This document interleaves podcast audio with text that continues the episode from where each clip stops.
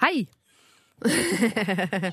så jeg har akkurat spist en håndfull eh, ristede mandler med havsalt. Det beklager jeg.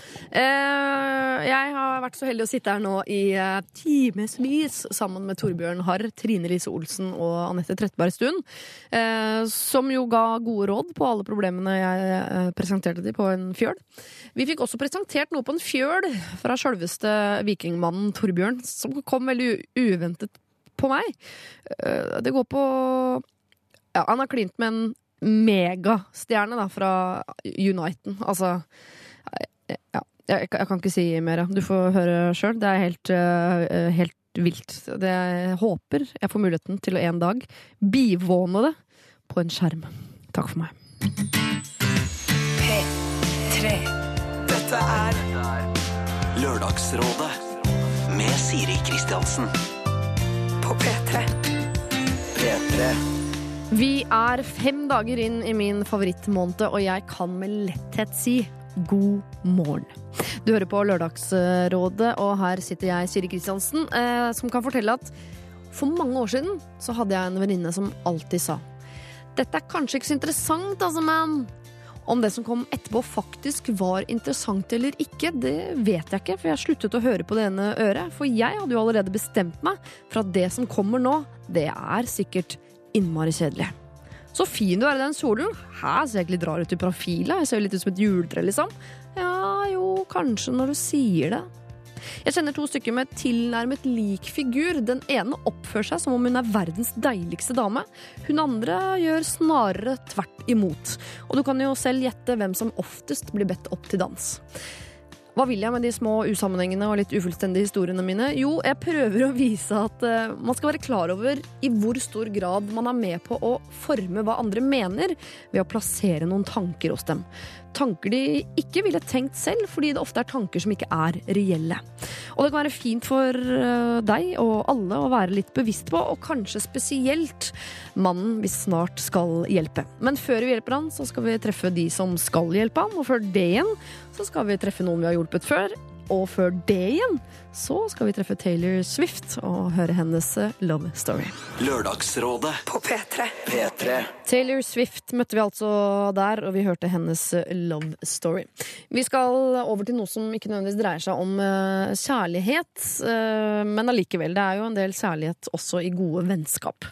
For lenge siden, altså i 2014, i, eh, på våren der, så eh, prøvde vi å hjelpe en uh, ung jente på 21 som bodde i London og som studerte teater. Hun hadde fått seg en uh, vennegjeng som var veldig lite streit, i hvert fall sånn i forhold til henne selv. Var hun uh, måteholden, mens denne gjengen syntes det var greit å teste ut både det ene og det andre.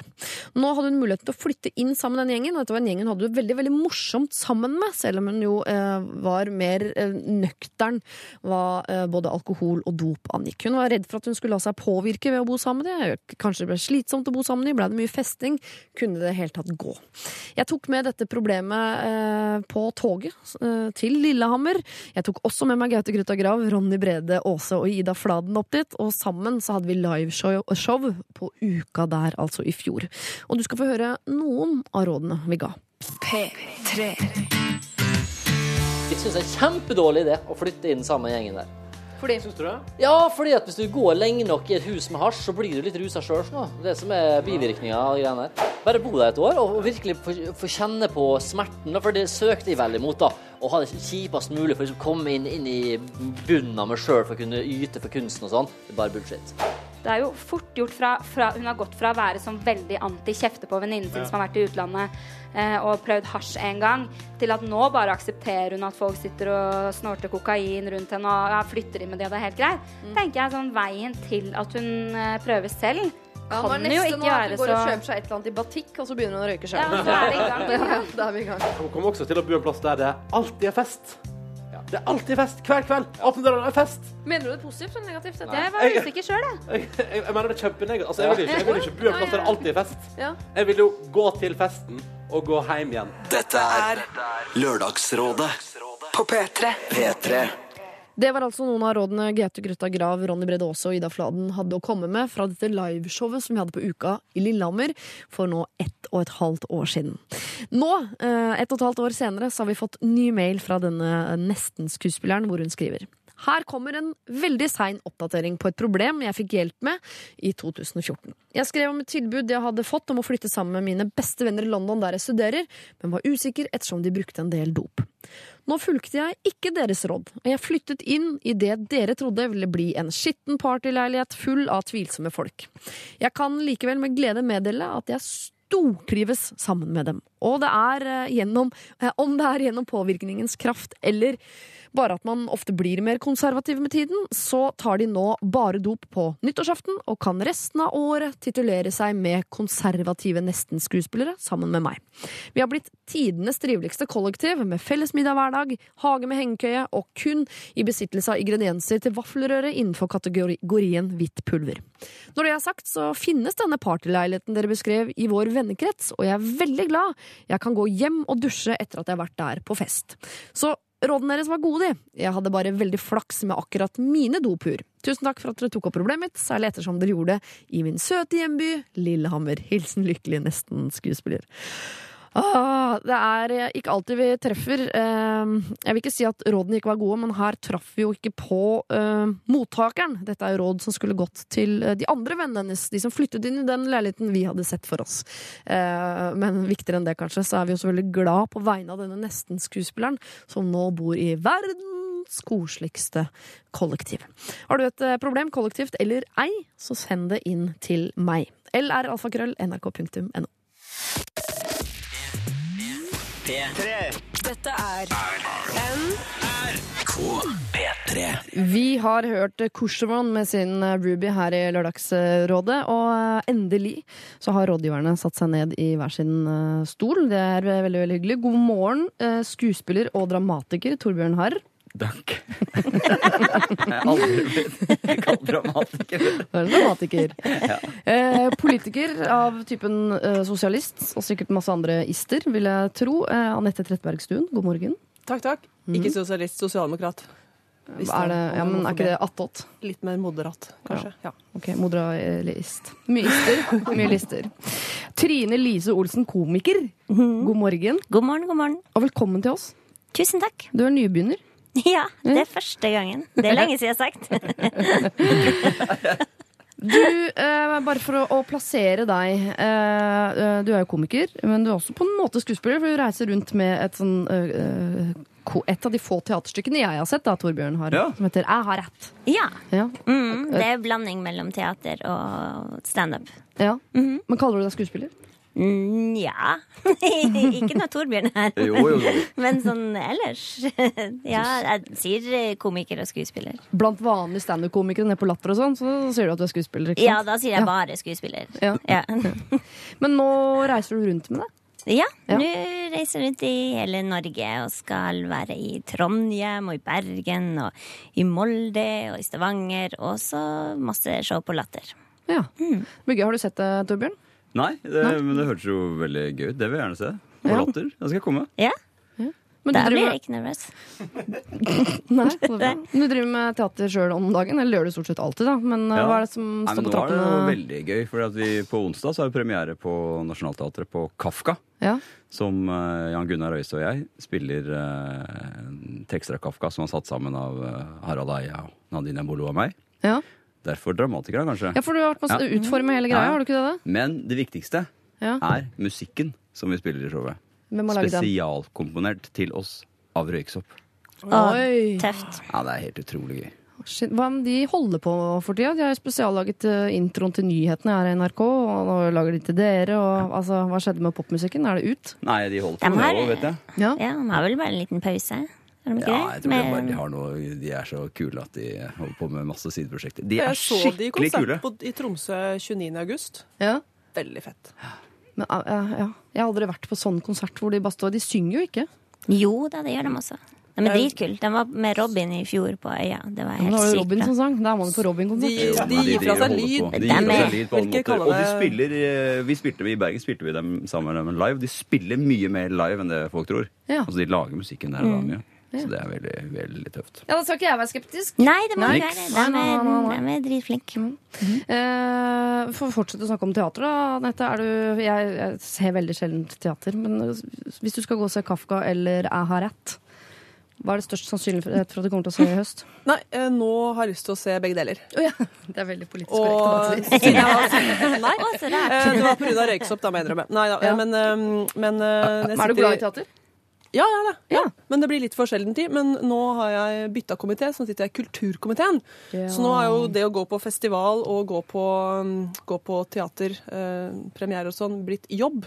Ja. Det er jo ikke akkurat kjipt. Nei, Nei. Så jeg, jeg. skal komme på begge deler. Bra! Velkommen. Tøft. Men da er du på jobb. Så, Da er jeg på jobb. ja. Så, du skal ha lønn. så, nei, ja, så jeg må si noen ord og love dere penger, da. Ikke sant? Det må be om penger, og så kan jeg si ja, det skal vi ta med oss eh, tilbake og vurdere. også. ja. Ja. Nå har det vært en bra dag på jobben. Ja. Ja.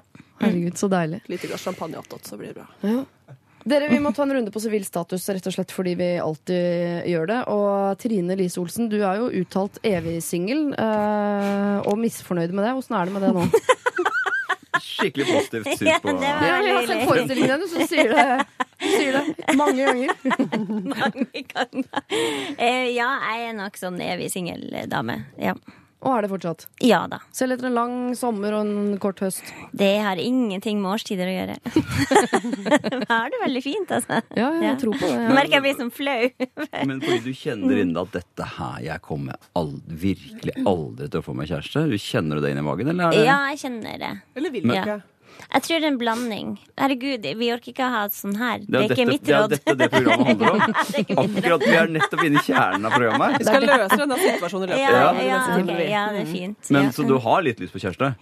Eh, Men jeg, jeg- altså ja, hvis det er noen som passer. Det er vel det jeg ikke tror det gjør. For det finnes ikke noen som passer til deg? Ja. Mm. får vi se på. får vi se Dette får vi se på. på. Bare for at det skal bli like flaut for Anette Trettebergstuen å være her som det er for deg nå, Mm. Trine Lise. Du er jo tidligere uttalt forelsket i Torbjørn Harr, Mm. men så ble du lesbisk. Hvordan går det med det nå? Nei, altså, jeg var jo veldig Ja, nå Det er bra det ikke har TV, for nå rødmer meg. Nei, jeg var jo veldig forelska i deg, Torbjørn, da du var på Frida med hjertet i hånden. Oi, oi, oi. Veldig forelska. Ja. Um, men jeg var litt forelska i. Jeg var litt forelska i Frida, faktisk, så jeg burde kanskje Oi. skjønt tegninga Ja. back then. Men, um, men så har jeg på en måte Så kom jeg jo over det, da, etter at serien var over. Og jeg har jo ikke møtt deg før, så har jeg nå levd i en sånn um, 15 års tid som lesbisk og fornøyd, da. Men jeg kjenner jo litt på det nå i dag når jeg treffer deg, at fader ulland. Tenk, det er jo enhver Det er en drøm, det. Ja. Få lokke tilbake noen av de lesbiske på vårt lag. Tilbake. Vi får se i løpet av sendinga. Men uh, Nå skal vi, har vi to store mål for den sendingen. Skaffe kjæreste ja. og Snu fjøla. Ja. Nei, det må passe. Men eh, eh, jeg syns det er deilig, du vet det er en hel generasjon av kvinner som er forelsket deg fortsatt på grunn av altså, uh, Ja, det som er at det er jo mange som var forelsket i meg, men så Ja. er det jo veldig mange som blir skuffa når de treffer meg i virkelig livet. Så det er jo det er sånn blandet fornøyelse, det ja. Men hvordan var det med deg igjen? Har ikke, du har en skokk med unger og Ja, tre unger og tre unger. veldig vakker kone. Ja. Går du på skolen? Eh, to av dem. Ja. Det er ti, åtte og fire. Ti, åtte og Jøss, fire. men du, det kan jeg bare si, si til dere som hører på her, da, som ikke ser oss. Eh, han er jo faktisk eh, jeg vil si minst like kjekk som når du spilte i Frida med hjertet i hånden. Det må jeg si, altså. Du ser jo ikke ut som du er gammel nok til å ha klart å produsere tre unger. Han kommer til å Så- gå i sånn to meter høyere. Er, ja. Da skulle du sett Frida, for å si det sånn. Ja. Det er rimelig deilig nå, for å si det sånn. Nei, det er bare noe jeg tror. Det vet jeg ingenting om. Jeg vil tro det. Dere eh, skal Det er bra å si. Syns jeg er deilig? Da skulle vi se Frida. Tror du må google det her, ja. ja. Herlig start på programmet. Ja, eh, Dere skal få flytte fokus bort fra dere selv i den grad dere ønsker, selvfølgelig. Eh, herfra og ut, for vi skal jo hjelpe andre mennesker, kanskje deg, resten av morgenen i dag fram til klokka tolv. Det er straks tid for eh, det første problem, men først skal vi innom Imagine Dragons. Dette her er Radioactive.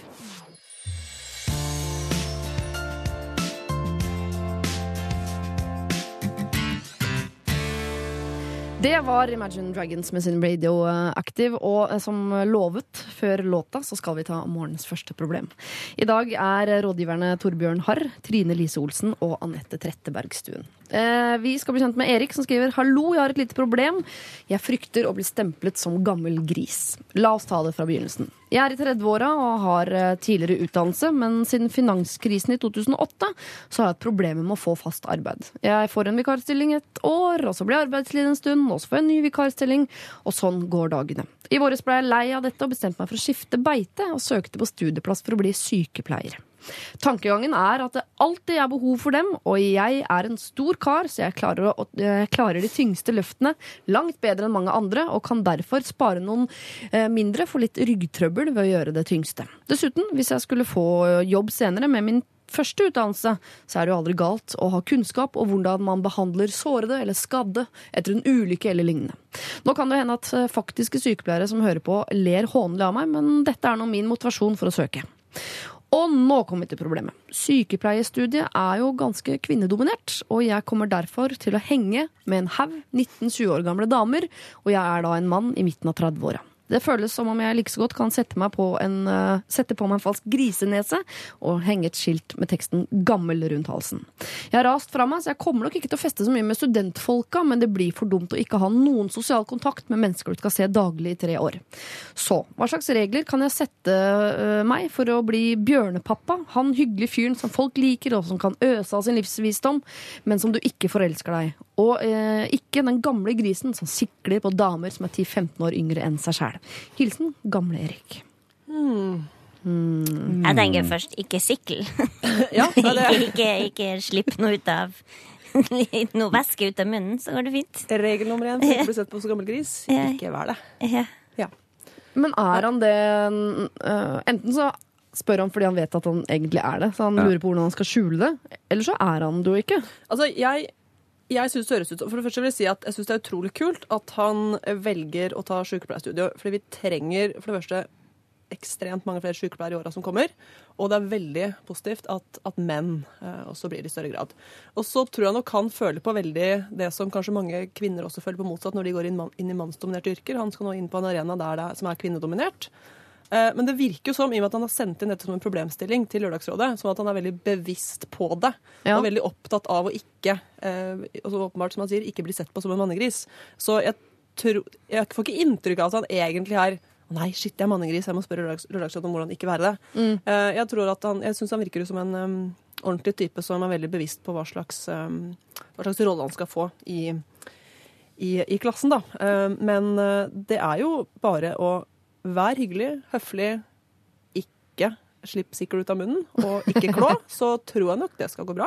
Ja. Og, eh, Torbjørn, Ja. du er jo ofte en sånn, om ikke gammel manngris, men i, for det har du snakket om før, nemlig i Lørdagsrådet, at du plutselig spiller med masse unge eh, skuespillere, og så føler du deg som han gamle som har lyst til å være med og ta den ene pilsen, og så Ja, plutselig ble det.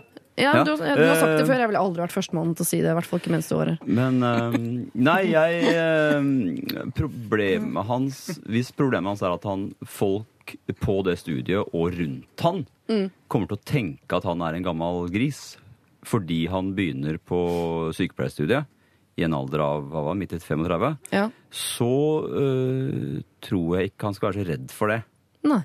For at eh, det er jo bare kjempekult. Jeg er helt enig. Det er veldig veldig kult at han begynner på sykepleierstudiet. Utrolig kult. Ja. Så, men, eh, men hvis han kjenner det lille inni seg at eh, han er singel og oi, oi, hvordan skal dette gå, så er det en gammel regel som er sånn Talderen din, delt på to, og pluss på sju år. Yngre enn det kan du ikke være sammen med. Så 35 delt på to er 17,5. eh, pluss Og 7. pluss sju. Jeg kommer opp i 25, da. Ja. Det er jo helt sikkert noen 25-åringer også Men, ja, men jeg tenker også at alle kommer til å vite hvem man er nå. For det er jo bare én i midten av 30-åra som kommer til å søke. Som kommer til å sitte i klasserommet. Og så bare Hva hadde du? Bjørn, hva hadde du?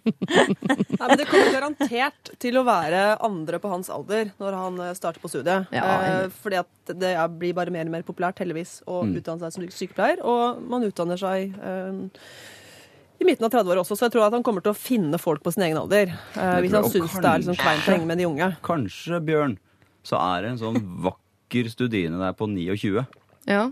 som også har skifta litt beite. ja. Og så så det Men det. og så tenker jeg at det er jo veldig mye styr for å være en gris. For å gå tre-fire år på skolen. Og ta en hel utdannelse for å liksom For å være en gris. Så hvis folk tenker det, så syns jeg det å betale studielån og liksom studere og ha eksamener kun for å liksom sitte i et klasserom med unge damer, kan ikke du bare gå ut på byen, da? Men det er en regel likevel at uh, som han sier, han skal ikke være så mye ute, men han skal være litt ute. Men det er likevel sånn at han kan ikke være sist på fest blant alle de 19- og 20-åringene hver gang. Det, det, Da kan han ikke det, fordi Nei, det tenker jeg da han faktisk ikke kan. Nei, for faren er jo ofte at hvis man tenker sånn nå skal jeg i hvert fall ikke si noe teit. Altså, du vet Hvis du treffer en, en du liker, da, så tenker man nå skal jeg i hvert fall ikke si noe teit. Nå skal jeg i hvert fall ikke si noe teit Akkurat som man går nå, nå skal jeg i hvert fall ikke være gris. I hvert fall ikke være gris Og så i første mulige anledning til å drite seg ut, så gjør man jo det. Så han kommer jo til å bli fullest på første fest. Kommer til å gå sist hjem.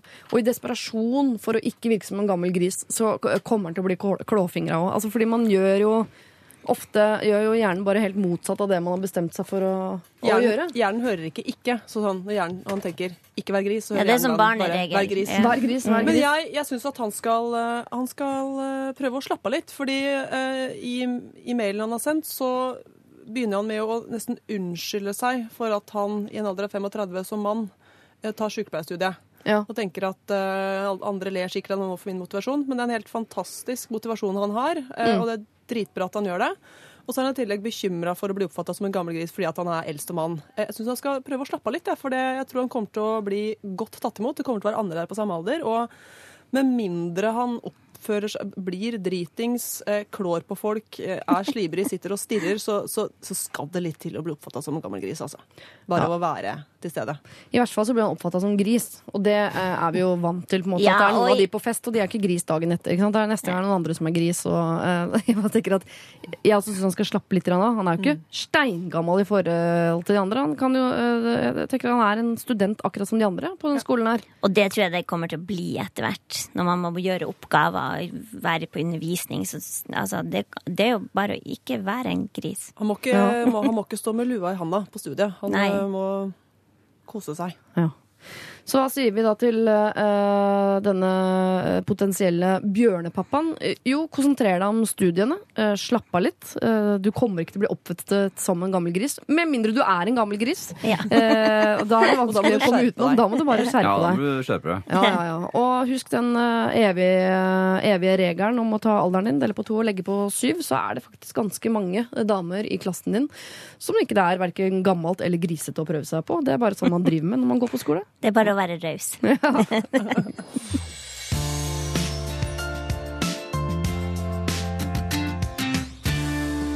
Dr. Dre er tilbake for fullt. John Connor, Snoop Dogg også med her. One shot, one kill, hørte vi altså her i Lørdagsrådet. Vi skal uh, møte en forelska sosialist, Og det er ikke deg, Anette Trettebergstuen. Det er incellen. sosialist, har jeg sagt. Nei da. Nå har jeg bestemt meg for det, og da er du det i dag. Jeg, Sara. forel jeg er forelska i Torbjørn her, da, og et par andre, men eh, Det er veldig sosialistisk av deg. Eh, Sara, 28 her, skriver inn. I fjor kom jeg ut av et lengre forhold. Jeg har hatt et knippe kjærester opp igjennom med den leie tendens i å avvise en etter en. Jeg trives som singel, men anerkjenner at jeg er en anelse redd for å, for å forplikte meg også. Men forrige helg så traff jeg en danske, og han er den flotteste mannen jeg har møtt i mitt liv. Fra å aldri verken ha ønsket eller tenkt på å få barn, har jeg den siste uka både googlet barnenavn og drømt om et idyllisk liv i den danske provinsen med seks barn, og da selvfølgelig mannen i mitt liv. La meg si at denne stallionen av, blond, av et blondt manneben eh, har virkelig røska liv i eggestokkene på en ellers fri sjel. Etter å ha møttes gjennom en felles venn på byen, hadde vi en kjempefin tone. Jeg ga han telefonnummeret mitt, og vi gikk hjem hvert i vårt med en løs kaffeavtale. Dagen etter unngikk jeg som vanlig hele greia, men likevel, han ga seg ikke og uttrykte at han virkelig ville ha akkurat meg. Så etter litt overtalelse så traff vi hverandre, edru, og hadde den mest fantastiske kvelden, natten, morgenen jeg noensinne har opplevd, med lange samtaler til langt ut på morgenkvisten. Vi avtalte at jeg skulle komme på besøk til han i Danmark om et par uker. Så til dilemmaet. Han la meg til på Facebook, og det viser seg at våre politiske holdninger er svært forskjellige. Han har ytret ting der som jeg vil gremme eh, meg over om det var en venn. Skal jeg likevel gi denne fyren, som potensielt kan være drømmemannen, en sjanse ved å besøke han? Kan man tross politisk uenighet finne kjærligheten? Hilsen forelsket sosialist Sara. Oi. Virker veldig skreddersydd der, dette, Anette. Ja. Eller Ja. Ja. For et uh, bra dilemma. Hvor, Ja. hvor, gamle, hvor gamle var de? 28. 28. ja. Mm. Og, ja. og de har hatt eh, da en kveld, to kvelder og en Ja. natt og en morgen sammen. Ja. Altså, eh, hun oppdaget jo tydeligvis her først at han mente noe Hun sier, sier ikke hvilke politiske temaer det handler om, men som hun da grem, ville gremmes, blitt gremmet seg over hvis det Ja. var en venn. Ja. Eh, når hun la han til på Facebook. Så hun har tydeligvis tilbrakt et døgn med han, da, eh, face to face, og pratet og hatt det fantastisk uten at hun reagerte på noe. Mm. Um, med mindre han er liksom superrasist eller eh, ja, det som drøyere er, så, så, så tenker jeg at eh, hun har jo kost seg med fyren og ikke reagert på noe eller lagt merke til at han var speisa før hun la ham til på Facebook. Så, og hun er forelska, mm. så forelska at hun begynner å google barnenavn. Hun Ja. bør dra ned til Danmark og sjekke ut den fyren her litt nærmere. Ja. Ja. Ja. Det tenker jeg. Eh, hvis Én ting er rasistiske ytringer, men det kan hende at han bare skrev at han var mot formuesskatt, f.eks., og det var skikkelig drøyt, syns hun. Eh, sånne, ting går, sånne ting går det an å, går det an å leve med. Eh, det fins jo mange gode eksempler på folk fra ulike partier, til og med som sitter på Stortinget begge to, som finner hverandre. ja vel, hvem Så det trenger. Hadia Stefan, Stefan, for eksempel. Tenk deg eh, Gro Harlem Brundtland. Hvis, hvis, det hvis det hadde vært Facebook på den tiden, hadde aldri blitt sammen med mannen sin, hun da. Ikke Nei. sant? Nei. Nei, så Det kommer litt an på hva, hva disse drøye tingene er, hvor hennes grenser går. Det vet vi ingenting om. Men hun har kost seg med han og hatt det fint et helt døgn uten å ha reagert på noe, ting, så da, da bør hun gi han en sjanse. Dra ned og finne ut av det. Er alle enige i det?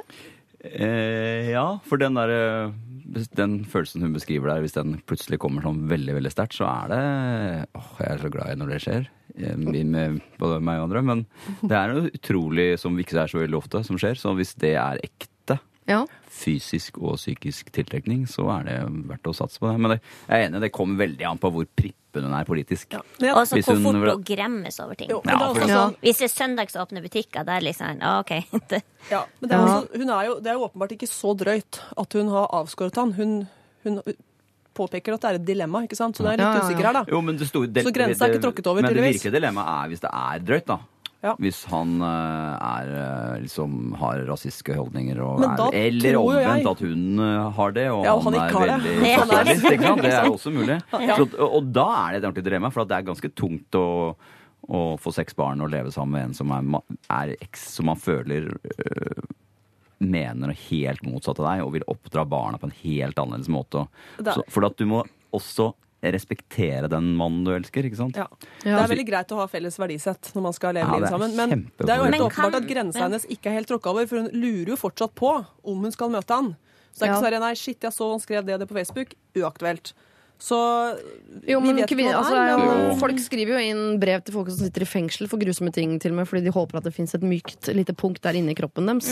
Så kan det hende at grunnen til at Sara ikke har falt helt av hesten, er for hun tenker at hun kan omvende ham. Ja, men det kan hun liksom. ikke gjøre. Ja. Kan hun ikke det? Nei, det må vi få slå fast med en gang. Ja. Hun kan ikke dra ned til Danmark og håpe at ja, men hvis jeg bare får omvendt han, så går det bra. Det, det kan hun ikke. Men hun kan ikke nå, basert på noe han har skrevet på Facebook, eh, og glemme den fantastiske, det fantastiske døgnet de har hatt, og droppe å møte han. Altså, Reise ned til Danmark, møt han, eh, vær sammen en dag, og sjekk ut dette her. Ja. Hvis han eh, er drøy, eh, så lar det bare være å møte han igjen. Og da veit du det. Og er det like fantastisk, så er det jo bare å finne ut av det. Ja. ja, for det kan jo være også, ser jeg for meg, at hvis han heller aldri har opplevd denne fantastiske kjærligheten før, som Sara beskriver, så kan han være litt sånn mannevond og bitter og ha blitt litt sånn i det sure hjørnet i livet og skrevet ut masse, spydd ut masse eder og galle på nett. Og at han nå liksom i eh, det å oppdage kjærligheten sammen med Sara kaster alle de verdiene på båten og blir en kjempefin fyr. Så selv om du Torbjørn, mener at han ikke kan forandre seg, så kan han jo det. Jo, men mange av disse nettrollene er jo bare ikke sant? De ja, trenger bare en ja. eh, forelskelse og litt lyspunkt i livet, så blir alt så mye bedre. Ja, jeg tror det, altså Ja, det, er, det, er, det er jeg litt uenig i. Tror du ikke det? Jeg tror ikke hun kan basere seg på det at hvis han har, vi har vært singel Det er bare for at han har vært si, det, er bare, det er bare for at han har vært singel i fem år og vært litt sånn bitter pga. det. At han er blitt rasist. Det er bare derfor. Det Nå vil jeg ikke vet ikke vi base at han er rasist, Nei, men, men det var bare eksempelet jeg har tatt opp. Ja. Og så Nei. man Men er ikke det fint hvis hun, hvis hun Hun må ikke reise dit hvis hun tror at hun kan forandre han. Nei. Men hvis hun fortsatt vil finne ut av om den mannen som hun leser om på Facebook, som det han deler med alle andre, er den han er, eller den som person som hun møtte, og one to one, at de liksom har det At han er mer sånn enn han er mer sånn han er på Facebook. Ja, det er jo sånn offentlig og privat, liksom også, for Facebook er jo ikke privat. Nei. Hun, jeg mener at hun må, må reise ned for å, for å sjekke det ut. For å, altså, hun kan ikke gå rundt resten av livet og lure på om hun gjorde Nei, det rett ikke noe eller å spare på. Hun må få, få det klart for seg om han er en drittsekk eller om han er en ordentlig fyr, og så go for it, eller glem det. Dette kan vel egentlig sies som en generell uh, greie. At ikke, uh, ikke nødvendigvis liksom, døm mennesker nord og ned ut fra hvem de er på Facebook. Vi er nø fortsatt nødt til å møte folk og se om vi liker dem. Sara, du ligger allerede i forkant. Du har allerede møtt han. Du elsker han, du syns han er helt fantastisk. Han er mannen i ditt liv, og i tillegg er han dansk. Og det er jo ikke akkurat et minus i mine øyne. Så dette må du, uh, må du finne ut av. Vi er helt enige, både Torbjørn, Trine Lise og eh, Anette og jeg, om at, at Sara må reise til Danmark. Jepp. Det må hun jo. Og så må hun finne ut av om han er mest sånn som han var eh, det døgnet de hadde sammen, eller om han er mest sånn som han oppfører seg på Facebook. Og når hun drar ned, så må hun love oss å konfrontere han med det som står på Facebook. Ja, ja, ja, ja absolutt. Ikke sånn på flyplassen-aktig. På slutten der, da. Nei, nei. Altså, vi Ta går ut fra at hun, kvelden, at hun forstår dansk, liksom. Nei, hun har ikke forstått dansk muntlig, men når Ja. skriver, så er det helt likt som norsk, sant? så da skjønner hun hva hun Ja, ja, så bare Han har, han har og sagt kommet masse dritgreier skrev han på, den, rasistiske ja, på den daten, men har bare ikke skjønt det. Å, det er så fin at du er hvit i huden. Ja. Eh, Vi håper ikke det, Sara. Men vi vi vil at du reiser, og vi vil at du skal fortelle oss om det når du kommer hjem. Eh, hva for en fyr dette her eh, var. Men ikke tenk at du skal ned og forandre han. Det man man ut av selv. Lørdagsrådet med Siri Kristiansen. På P3. P3. Vi hørte der altså 'Closer' av og med Le Metre. Før det igjen så ble vi jo sendt med en ung jente som har falt eh, hodestups forelsket eh, i med en danske. Og akkurat det kan jeg forstå veldig veldig godt. Jeg er uenig politisk, men jeg må bare si helt sånn Jeg tror kanskje Hvis du først er dansk, så da skulle du være veldig eh, langt fra eh, mine syn politisk før det skal ha noe å si. Eh, jeg tror Bare det at du snakker dansk så er det greit, på en måte. Jeg er jo så forelsket i Danmark selv, ikke nødvendigvis uh, guttene der, men bare Danmark som konsept og land. Jeg vil dit hele tiden. Også nå, men jeg skal vente litt. Fordi nå skal vi eh, hvert øyeblikk treffe en som er gravid. Og selv om det er veldig hyggelig, så er det veldig veldig mange problemer også som dukker opp i løpet av disse ni månedene. Både problemer som er der akkurat der og da, men også problemer du ser for deg i framtiden osv. Men akkurat dette problemet det hadde ikke jeg sett for meg at i det hele tatt eh, fantes på denne planeten. Men jeg har gjort litt research, og jo da, dette problemet, det, det fins. Og jeg skal prøve å ta det alvorlig, og jeg skal prøve å sørge for at dagens rådgivere også tar det alvorlig. Hva det er, det får du ikke vite før om litt. K. P3. Mumford Sons med sin Believe og før Rihanna og Diamonds. Og vi skal over til et problem, dere, som uh, jeg er ganske sikker på at dere ikke har vært borti før. Jeg har ikke vært borti det selv, og jeg har vært borti ganske mange problemer opp igjennom her i Lørdagsrådet. Hei, jeg er en jente på 24 år. Jeg har ballongskrekk. Det vil si, jeg blir redd når ballonger sprekker. Jeg begynner ikke å gråte eller noe, jeg blir bare veldig, veldig redd. Nå er jeg gravid, og spørsmålet mitt er hvordan jeg kommer til å overleve.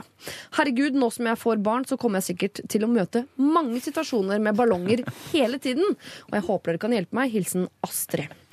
Eh, rådgivere er Trine Lise Olsen, Anette Trettebergstuen og Torbjørn Harr. Og dere, jeg ser at du ler, Torbjørn, men Ja. jeg har til og med googlet, og det er en lidelse. Ja, ja, selvfølgelig. Ja, Jeg ler ikke av lidelsen. Og jeg ler ikke av henne. Men jeg ler av bekymringen over at når jeg Dette har jeg klart å leve med veldig, veldig fint helt til nå. Men når jeg får barn, da kommer jo det barnet til å ville ha ballonger. Og der, nå kommer det ikke kommer til å meg inn på kroppen. Det ler jeg. Ja. Uh, men uh, Kan Jeg foreslår heliumballonger. Heliumsballonger? Ja, for dem, dem lager vel ikke så mye lyd når de sprekker. Nei, men da blir ikke hun irriterende. det er som- var det ikke er lyden Nei. Jo, Er lyden? jeg er livredd når ballonger sprekker. Og lidelsen er ofte noe som dukker Ja, opp. på 17. mai, for eksempel. Jeg blir inne. Jeg går ikke rundt i byen på 17. mai. Jo, det blir jo det du er redd når du ser en ballong, men det du er redd for, er at den skal sprekke. Ja, nettopp, ja. Ikke Ja, så redselen for sprekking gjør at alle ballonger er en potensiell trussel. Potensiell Ja. sprekkende ballong. Oi. Det jeg eh, var redd for når jeg begynte å lese den mailen, er jo eh, det som jeg eh, håper jeg ikke nå planter hos henne som en ekstra frykt, men det er jo at den ballongen hun har på magen, skal sprekke. Det tenkte jeg også. Ja, det er det det var det, Det var det jeg var redd for. Ja, men hvis hun er redd for ballonger før, så er det jo ikke det. Nei, det, nei, det er det ikke. Men når den ballongen endelig sprekker, Ja. det er jo den lykkeligste stunden. Får vi Kanskje håpe. få et nytt syn Sikkert på ballongsprekking. For når den ballongen som det barnet er i, får vi bank i bordet og alle ting, kommer ut da etter ni måneder. Ja. For lykke! Ja. Det er den flotteste av alt. Du burde vært psykolog, du. Ja, men jeg, egentlig så lo jeg, og så tenkte jeg at akkurat dette spørsmålet, Mm. det er grunnen til at det er uh, fem års utdannelse på psykologstudiet. At det, er- her, er- her, dette kan vi ikke løse, rett og slett, rundt dette bordet.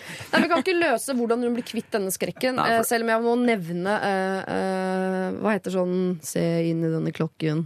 Glem at Hypnose. du Hypnose, ja, takk skal du ha. Ti Vil du poeng. anbefale Eh, nei, jeg vil ikke anbefale det fordi jeg kjenner folk som har klikka helt for etter å ha gått i hypnose. Oi. Men det er verdt å prøve det, da, hvis du vet at ikke Men det også kan du jo bare si at du, unge, hyggelig at du kom, men du er nødt til å leke med noe annet. Du får ikke ballong. Men Det, det, er ikke, det, er er ikke, det er jo ikke overgrep på ungen hvis den aldri får en ballong. Men den ungen kommer til å bli pådytta ballonger hele tida. I bursdagsselskaper, Ja, på gata, Ja. av oss politikere i valgkamp. Det er ballonger overalt. Eh, Det er jo bare beste sånn, måten å det lokke dette barn på. ikke Men det går Men- jo an å si til barn at Ja. eh, vet du hva, hos oss eh, hjemme hos i vår familie så er Vi elsker at du leker med ballonger Men ikke ta med en hjem. Ikke ta med hver sin, for det er Ja, ikke for mamma er så redd. glad i. Ja, jeg er det. Kan man lure barn også for å si at det er noe At de er giftige, eller Når de Det er sprekker, mulig, så Litt, men, eh, litt sånn der, som de som sa til barnet sitt at uh, hver gang isbilen kom plinga, så betydde det at det var tomt. Ja, men det er mange som bruker den skjønningen der.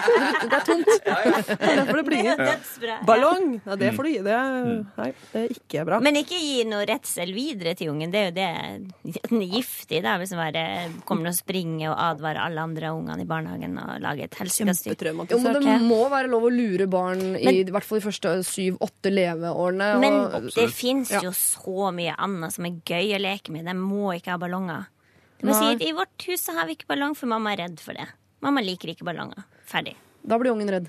Hvis du sier at du er redd, så blir ungen redd. Ja, men si at vi ikke skal Det skal ikke være i huset her. Hver gang, en ballong, ballong. hver gang en ballong sprekker, så dør det en kattunge. Men det blir artig hvis hun begynner å gjemme Hvis unge begynner å gjemme masse ballonger i senga. Ja, får hun smarte barn, så bruker de jo dette for alt det er verdt. Ja. Hvis ikke jeg Får får mer penger nå, så, ja, så sprekker jeg denne ballongen. Utpressing, ja. ja. Men uh, Uff, jeg tror ikke problemet er at uh, Jeg tror ikke det kommer til å bli mye ballonger hjemme hos de, bare fordi det er ikke sånn at fordi du har barn, så har du plutselig ballonger hjemme. Men hun kommer til å i større grad enn før måtte oppsøke situasjoner hvor det er ballonger. Ja, for Nettopp i andre bursdager og jo sånn. bursdag, skal vi hente bursdag. Det kan, Ja. Jeg kan ikke hente deg i bursdagen, for der ser jeg ballonger og sånn. Ja, det blir litt sånn, da. Ja. Ja, hun må jo Hun sier jo ikke noen ting om hvorvidt hun har prøvd å oppsøke profesjonell hjelp. Men jeg vil jo anbefale det, for det fins jo Enhver fobi kan jo kureres. Ja. Um, så burde prøve det, eh, for man kan jo ikke begynne å, å overføre frykten på barnet, eller nettopp skape en situasjon der man kan komme drassende hjem med en ballong og få det som man vil. Så gjør det først, da. Ja. Eller kan hun bli Jehovas vitne? Er det ballongforbud der? Da er det jo ikke noe feiringer, ingen uh, ting. Da er det veldig lite Du får ikke lov å gå i bursdag uansett. Er det Det er kanskje bedre å få hjelp drastisk løsning på det ballongproblemet. det- Absolutt. eh, Ja. Men Litt, uh, litt um, fobiterapi tenker jeg kan investere i først. Også. ja, og hvis hun skal i selskap, så går det vel an å spørre de andre må dere ha ballonger. Det fins jo andre mulige pynt i så fall, hvis det er så alvorlig. Det vil jeg ikke anbefale, og, for det er litt slitsomt for oss andre familier i den klassen. At det kommer som fellesmail. Eh, moren til Anette er litt redd for ballonger, skal vennligst aldri ha ballonger på fest. Det vil jeg. Jo, men eller sånn advar hun. Du, vi har hengt dem lengst inn i hjørnet, så når du dropper off eh, ungen Nei, men hun skal ikke sette Så? Begrensning på andres ballongbruk. Det, Ok, mener jeg, det ja, er feil. det- okay, ja, greit. Det- Du får håpe på lateksallergi, det tenker jeg. veldig det er det sånn beste hun kan håpe på her. Det løser jo alt. Du kan skylde på lateksallergi. Nei, men unge, hvis ungen beviser det? har lateksallergi, så er jo alt det løst. Men det er jo bare å krysse fingra for det. Men det kan hun jo ikke Så gøy hvis ungen blir helt motsatt og elsker ballonger. Sånn der som eh, har sex med ballonger, liksom. Ja, Som går på klovneskolen og velger Ja. helt. Ja, men er, sex med ballonger? Ja, det er kondom, egentlig. Det er en det. Er du redd for det? Eh, At de skal sprekke? Er det aldri, kanskje derfor hun er gravid? aldri møtt en kondom, så jeg vet ikke hvor skummelt det er. Men, eh, Men søk hjelp, da. Finn ut. Også, hva er det? Er det lyden? Er det det at noe skal gå opp? Hva er det hvis vi går litt dypere? Hva er det hva som skjer? Går alt i oppløsning når den sprekker? Hva er det, hva er det hun er redd for? Finn ut av det. men hva gjør du da eh, hvis det er noe du er redd for? Trine Lise? Altså, oppsøker du det, eller unngår du det, eller? Eh, det, jeg bruker vel Jeg var nettopp på Tusenfryd og tok eh, Speedmaster, eller hva det heter. Monster, Speed Monster. Det er jeg dritredd, men jeg tok den. Ja. Da hylte jeg som Kompisen min sa at det hørtes ut som noen prøver å drepe meg gjennom hele turen, og så fikk jeg fullstendig latterkrampe. Det er ganske enkelt å unngå berg-og-dal-bane, da. Det er det Jo, jo. jo, Da er du men ganske heldig hvis det liksom bare Men hvorfor skal du ikke gjøre det? Du må jo Jeg tenker mamma må utfordre ja. Ja, Poenget mitt må være at uh, det er veldig lett å være redd for ting så lenge du kan unngå det. Men i Ja, ja. det øyeblikket du blir tvunget til å nettopp oppsøke fobien din, så kanskje Mm. du på sikt slutter å være så redd for den. når du ser at Oi, en ballong sprakk, men det betydde ikke at jordkloden gikk uh, ad undas for den, av den skyld. Jeg bare tenker at hun kanskje det hun nettopp skal, er å treffe noen ballonger framover. Dette, denne samtalen så jeg ikke for meg at jeg skulle ha noen gang. Astrid, jeg beklager. Eh, vi ler ikke av fobien din. Det bare er en sånn ukjent situasjon for oss. Men jeg er også helt enig med Torbjørn i at du ikke skal bli hun moren som ringer rundt og sier fra om ballonger. For da har allerede naboen ringt og sagt fra om glutenallergi, naboen der Ja, om ja. eggeallergi, og så til slutt så blir det en eh, bursdag uten ballonger, uten kaker. Uten Og det sukker. hele, ja, uten sukker og i det hele tatt. Og det, det blir for mye å ta hensyn til. Du har en fobi, og så må du velge selv om du vil prøve å unngå den, eller om du rett og slett skal prøve å møte den. Vi kan ikke vite hvordan du skal bli kvitt selve skrekken, så da kanskje du rett og slett må uh, spørre noen som kan hypnotisere, stikke nåler, uh, eller komme med andre gode tips for hvordan man blir kvitt disse fobiene. Uh, andre problemer kan vi sikkert løse, så send det inn til oss på mail lr.alfakrøll.nrk.no. Dette er Er P3. We Could Be Heroes synger hun Tove Lo her sammen med Alesso. Vi har eh, som alltid tatt eh, bilde selvfølgelig av dagens eh, rådgivere, og selvfølgelig har jeg jo sneket meg med på dette bildet selv. I front, til og med. Selv om det er ikke innenfor min komfortsone, men jeg gjør det profesjonelt. Stiller opp, like blid, uke etter uke på dette bildet. Du finner det selvfølgelig hvis du er vår venn på Facebook, eller hvis du følger oss på Instagram, så ser du det altså der. Og bruk gjerne anledningen til å kommentere hvis det er noe av det vi har sagt som du er veldig enig eller noe du mener at er helt uriktig, eller noe du mener er mangelfullt. Så for all del, uh, hiv deg på debatten, hvis man kan kalle det det. Apropos bilder, vi skal straks til et uh, problem stappfullt av bilder.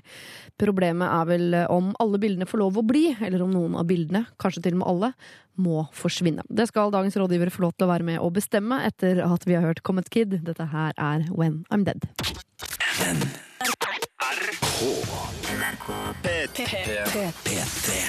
P3. Comet Kid, When I'm Dead, sang eh, de. eh, Og vi skal eh, over til et problem som ikke er like alvorlig som det, kanskje, men det kan være veldig veldig vanskelig, dette her. I dag har jeg med meg Anette Trettebergstuen, Trine Lise Olsen og Torbjørn Harr som rådgivere, og nå skal vi møte Marie. Hei, kjære Lørdagsrådet. For fem måneder siden ble det slutt med min daværende kjæreste. Vi var sammen i tre og et halvt år. For to måneder siden så møtte jeg verdens hyggeligste gutt, og vi kan vel si at han er min fremtidige kjæreste. Problemet er at han syns det er ubehagelig at jeg har bilder fra mine tidligere forhold. Dette har bl.a. resultert i at jeg har slettet alle bilder på sosiale medier. Både der han er på bildet, og der han blir nevnt i en kommentar. Men dette var tydeligvis ikke nok. Nå vil han at eh, alle bildene jeg har på PC-en skal forsvinne. Alle bilder fra turer vi dro på sammen, konfirmasjon til broren min der eksen min er på bilder, hverdagsbilder osv. Han mener at jeg ikke viser at jeg har kommet over han før bildene er borte. Men jeg føler at jeg sletter tre og et halvt år av livet mitt ved å fjerne dem. Er det jeg som er dum, eh, som syns dette er litt for mye å forlange? At at jeg sletter alle bildene? Hilsen Marie. Run, Forest, run! Det er det første jeg tenker. Ja, du tenker at Marie må stikke av fra det, at han Kontrollerende eh, fyr, høres han ut som. Ja. Det er ikke noe bra. Du kan ikke bare slette Du har jo hatt forhold før. Hvis han ikke trodde han gifta seg eller ble sammen med en jomfru som har bodd i en hytte eh, hele livet sitt til hun ble 16 og sluppet ut til villdyrene, så, jo, så har du jo hatt et liv før. En Ja. ting hadde vært hvis han reagerte på Hvis hun hadde hatt klinebilde av eksen som profilbilde, men det er ikke det det er snakk om her. Hun har sånn, fjernet ting fra Facebook og Ja. tatt ordentlig hensyn her, vil jeg si. Kanskje litt for mye. Men det å skulle slette filer med bilder som er rett og slett eh, minner fra et eh, langt liv, det er for mye å be om. Han trenger jo ikke å sitte og bla gjennom og titte på disse bildene, han, eks- han nye kjæresten. Eh, Så jeg, jeg, føler litt at kanskje hvis hun gir etter, da, nok en gang og begynner å slette bildene sine, så, så vil jo etter hvert det heller ikke være nok. Det vil komme noe annet. Så dette virker som en som ber om altfor mye, og som eh, har et behov for å kontrollere, og som åpenbart er veldig grunnleggende sjalu. Um, nå vet ikke jeg i hvor stor grad hun har snakket med han om dette her, eh, eller om han, hun gjør andre ting som kanskje gjør at han har grunn til å være sjalu, at disse bildene blir en belastning. Men eh, hun skal overhodet ikke slette bildene sine, eh, som er minner fra et, eh, et tidligere forhold og et langt liv. Eh, det er han som er har jo- et sjalusiproblem. Men det er jo veldig ofte hvis en er sjalu, så er det den som er sjalu, som må ta seg sammen. Men kan, Marie kan vel være litt imøtekommende på at han fyren her han er ganske sjalu og syns det er ubehagelig eh, at hun har de bildene. Kan vi finne noe forståelse der? Jo, jeg, jeg liksom, Det var gøy, for jeg snudde totalt uh, rundt. For jeg trodde først det var at det hang masse bilder av gamlekjæresten på veggen hjemme. Ja. For jeg skjønte det var på Facebook og i datamaskinen. At, eh, men at han Hvis han er Altså, det kan hende at hun gjør ting som gjør han sjalu. Ja. Uh, og da skal hun ikke gjøre det, selvfølgelig. Men, og da å kreve at han, hun skal slette liksom, alle minnene om livet sitt som ligger inne på en harddisk med en datamaskin, det er altfor mye. Jeg kjenner det sånn i magen. Oh. Eh, Samme. og, og det som er problemet, er at Farlig, farlig. De, de fleste vil jo tenke liksom Du, skjerp deg. Ja. Hold kjeft. Jeg skal ikke slette de bildene. Men hvis hun nå er usikker på at hun, om hun skal slette de bildene, Mm. så jeg, jeg kjenner ikke helt tatt, men det virker for meg som om hun er en sånn person som rett og slett da er litt usikker i seg selv, kanskje. Ja. Hun burde ikke være sammen med en fyr som får en til å bli usikker på det spørsmålet. En Så- usikker pluss en kontrollerende er jo ikke egentlig Det er en veldig vanlig match, men den er ikke så god. Nei, det er, altså, Nå sitter vi på radio og aner ingenting, Nei så da kan vi jo Men- være litt krasse. Mitt råd men, er dette her, her må du tenke deg veldig nøye om før du fortsetter inn i dette forholdet. For Ja, dette og så lenge hun ikke har bildet hans på putevare, liksom, Ja. og sitter og tar på seg sjøl, men så har liksom eh, bildet i handa, liksom, eh, så, så, så har ikke han noe rett å be om å gjøre det. Da må han jobbe med sjalusien, og dem, eller dem sammen må jobbe med sjalusien hans og finne Nei, ut hva er hun må ikke jobbe med noen som helst, hun. Jo, men hvis du er sammen med noen som sier at de er sjalu, så kan man jo finne ut liksom, hvordan blir vi trygge på hverandre. Det kan, Ja, man det finne går ut. Det kan, kan man Ja. finne ut sammen uten at, man, at den ene blir kontrollert. Og, men liksom, OK, det her er et problem. Jeg kan ikke slette mitt liv. Jeg hadde et liv før. Vi er nødt til å finne ut av det. Men hun har møtt verdens hyggeligste gutt. Hun er kjempeforelska, og vi ber henne tenke seg om. Det klarer man jo ikke når man er kjempeforelsket. Da ofrer man jo veldig veldig mye i den prosessen Jo, men der. det har hun jo gjort allerede. Det er jo det Ja. som er litt problemet. Mm. Hun har gitt han lillefingeren, og så har han bare fortsatt å krevd og krevd og krevd. Og da må man finne ut liksom hvorfor, hvorfor er han så usikker. Hvorfor gjør hun det? Mm. Hvorfor bare gjør hun det? Hvis noen sier at å, du må slette, du må slette alle bildene på Facebook, og så gjør man det. Man må jo ha tenkepause. Nei, hvorfor? Det er jo mye er der rundt liksom, hvorfor er hun så usikker, og hvorfor, han, hvorfor trenger de det her? Ja, de, de må snakke ordentlig om dette her. Eh, for det vil jo ikke løse problemet at hun sletter bildene av, alt som har med det tidligere forholdet å gjøre. Det vil jo bare da bli noe mer etterpå, ikke sant? På andre fronter. Eh, og til slutt så vil det nå være helt kontrollert. Plutselig det er ofte det som han- er ja. vanlig. Ja. Og sånn kan hun ikke ha det. Eh, så så det må for all del ikke gi etter, men prøv å komme til bunns i hvorfor han er så usikker, og om det er noe som helst dere sammen kan gjøre for at han skal bli sikker, uten at du trenger å ofre deg og legge bånd på deg sjøl på den måten. Ja, for, problemet, for problemet er ikke at han er sjalu. Nei. Jeg også, i, sånn, i starten av sånne forhold som de får, jeg har hatt f.eks. med kona mi, altså, jeg er også kjempesjalu på de gamle kjærestene. Dritusikker og, og vil ikke altså, Hvis jeg snakker om dem, eller hvis det hadde liksom vært bilde på veggen av gamlekjærester sånn, det er forferdelig. De må vekk, liksom. Ja. Så det er en veldig veldig menneskelig følelse å være sjalu. Jeg også kjenner det igjen, men fra det å kjenne det i seg selv til å virkelig kunne kreve at hun skal fjerne alle minner om et liv som er tross alt hennes liv Konfirmasjon til broren, liksom. Ja. Han vil det ikke få det bedre med det. det er bare tre måneder siden det ble slutt med denne eksen. Så det er jo ganske, han, han var nettopp kjæresten hennes. Så det kan være nå at den nærheten også gjør at det blir vanskeligere for ham å takle. At, de, eh, at det er sånn nytt, på en måte. Og Men- så syns jeg å høre også at denne kjæresten er, selv om han er verdens hyggeligste gutt, så kanskje han er en veldig veldig usikker gutt som føler seg litt trua av denne eksen. Hvis han føler seg dårligere enn eksen, eller sånt, Så jeg synes det er fint det, når du sier til Trine Lise at dette her kan jo, de kan jo samarbeide om å bli kvitt den sjalusien litt. Eller samarbeid, at hun kan gjøre en innsats for å få han til å føle seg bedre og han til å føle seg tryggere og han til å få en større selvtillit, så han ikke ifra. har problemer med de gamle bildene. Men jeg er helt enig at hun skal ikke slette de bildene. Men til slutt så kommer jo altså, Hun må jo ikke Altså, til slutt så kan det være sånn her Du, du tenker på de bildene du sletter. Mm. Det er jo så Altså, det kan jo bare Altså, det kan jo bare fortsette. Når skal det slutte, liksom? Så Nå, det, hvordan skal vi få sletta de fra den virkelige harddisken, eller Ja. hjernen din? Den Ja. må ut. Den må operere ut. ikke sant? Så det går ikke an. Man må, her må man jobbe med å finne ut hvor, hvor den kommer ifra, den sjal- sjalusien, og hva de kan gjøre sammen for å finne ut av det, tenker jeg.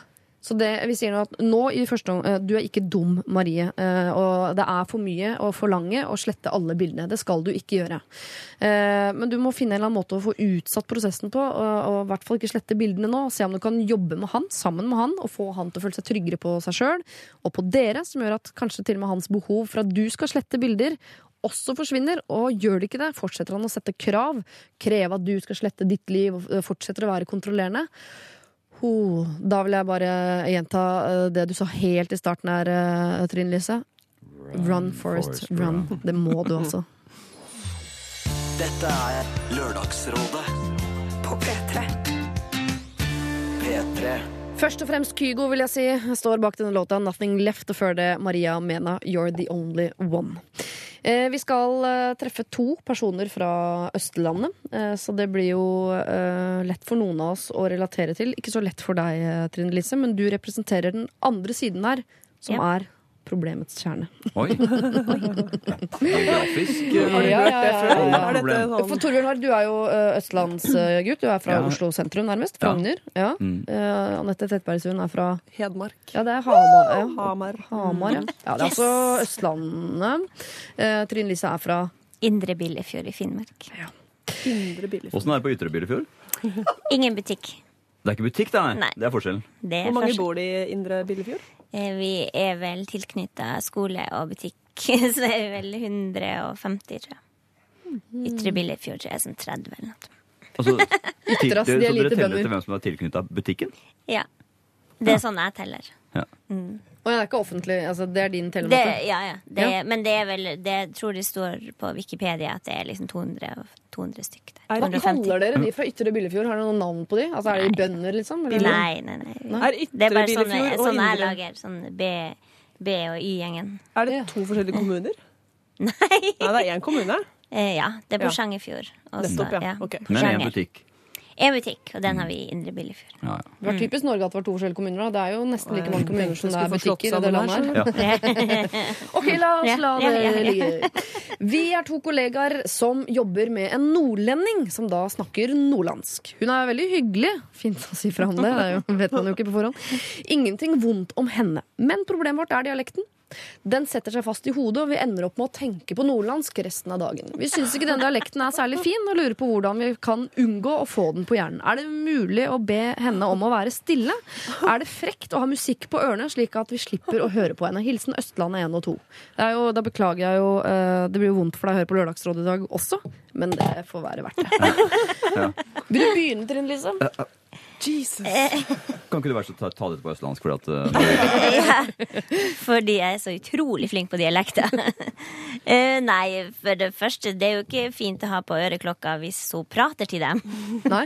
Men hvis, hvis hun bare sitter og skravler i bakgrunnen hele tida, så kan de Jeg vet ikke, sto det hva de jobba med? Nei. Eh, så de, hvor mye kan hun prate, tenker jeg. Eh, jeg vet ikke.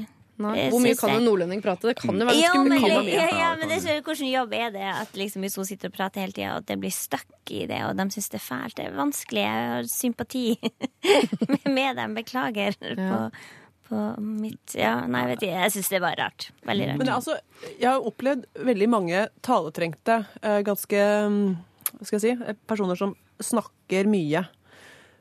Men jeg har aldri opplevd at jeg har tenkt på den dialekten resten av dagen. Altså, det virker jo veldig rart, Ja. dette Jeg tror det virker Eh, som kjernen i problemet egentlig ikke har noe med dialekten å gjøre, men kanskje med den personen. At de ikke liker eh, henne. eh, At det blir som man, man tror det er dialekten som man eh, Eller det er hyggelig at de skylder på dialekten, da. Eh, men, eh, men så er det et annet problem, problem her, da, og det er jo de to fra Østlandet som, Har rotta seg Ja, det er De må skjerpe seg, rett og slett. Ja. Eh, for det må, må være lov å si når man sender inn til Lørdagsrådet. Det der er jo eh, Jeg vil gjerne høre litt fra hun der eh, nordlendingen, jeg. Ja, ja, altså Man sender den hit i håp om å få råd. Det hender du får et tupp i ræva òg. Ja, for det fortjener de her. For det, eh, må ta liksom, vi må finne ut hva det egentlig er. For det der, det er jo Det er jo ikke det at hun har en annen dialekt. Nei, for det jeg også hører er at De to fra Østlandet eh, Hvis en dialekt skal bli stuck i hjernen din, så er det fordi de to nærmest har bestemt seg for det. Snakka mye om at det er irriterende, at det er støkk på hjernen. Og jeg tipper at når uh, vedkommende er ute av rommet, sitter de og uh, snakker til hverandre på nordlandsk seg imellom som en slags sånn gag. Og så blir det, har det bare blitt en sånn altoppslukende greie som Østlandet 1 og 2 har skapt inni sitt hode. Men jeg tenker også fordi at hvis hun er så hyggelig uh, som Ja, det ble sagt, ja. så, så, så, så da tror jeg liksom ikke helt Jeg tror ikke de, jeg tror ikke de syns hun er hyggelig.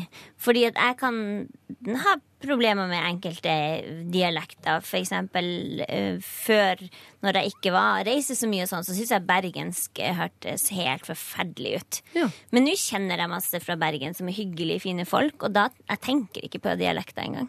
Nei. Og det er liksom eh, er sånn at jeg tenker at hvis hun er hyggelig Hvis de virkelig mener hun er hyggelig, så skulle ikke dialekter ha noe å si.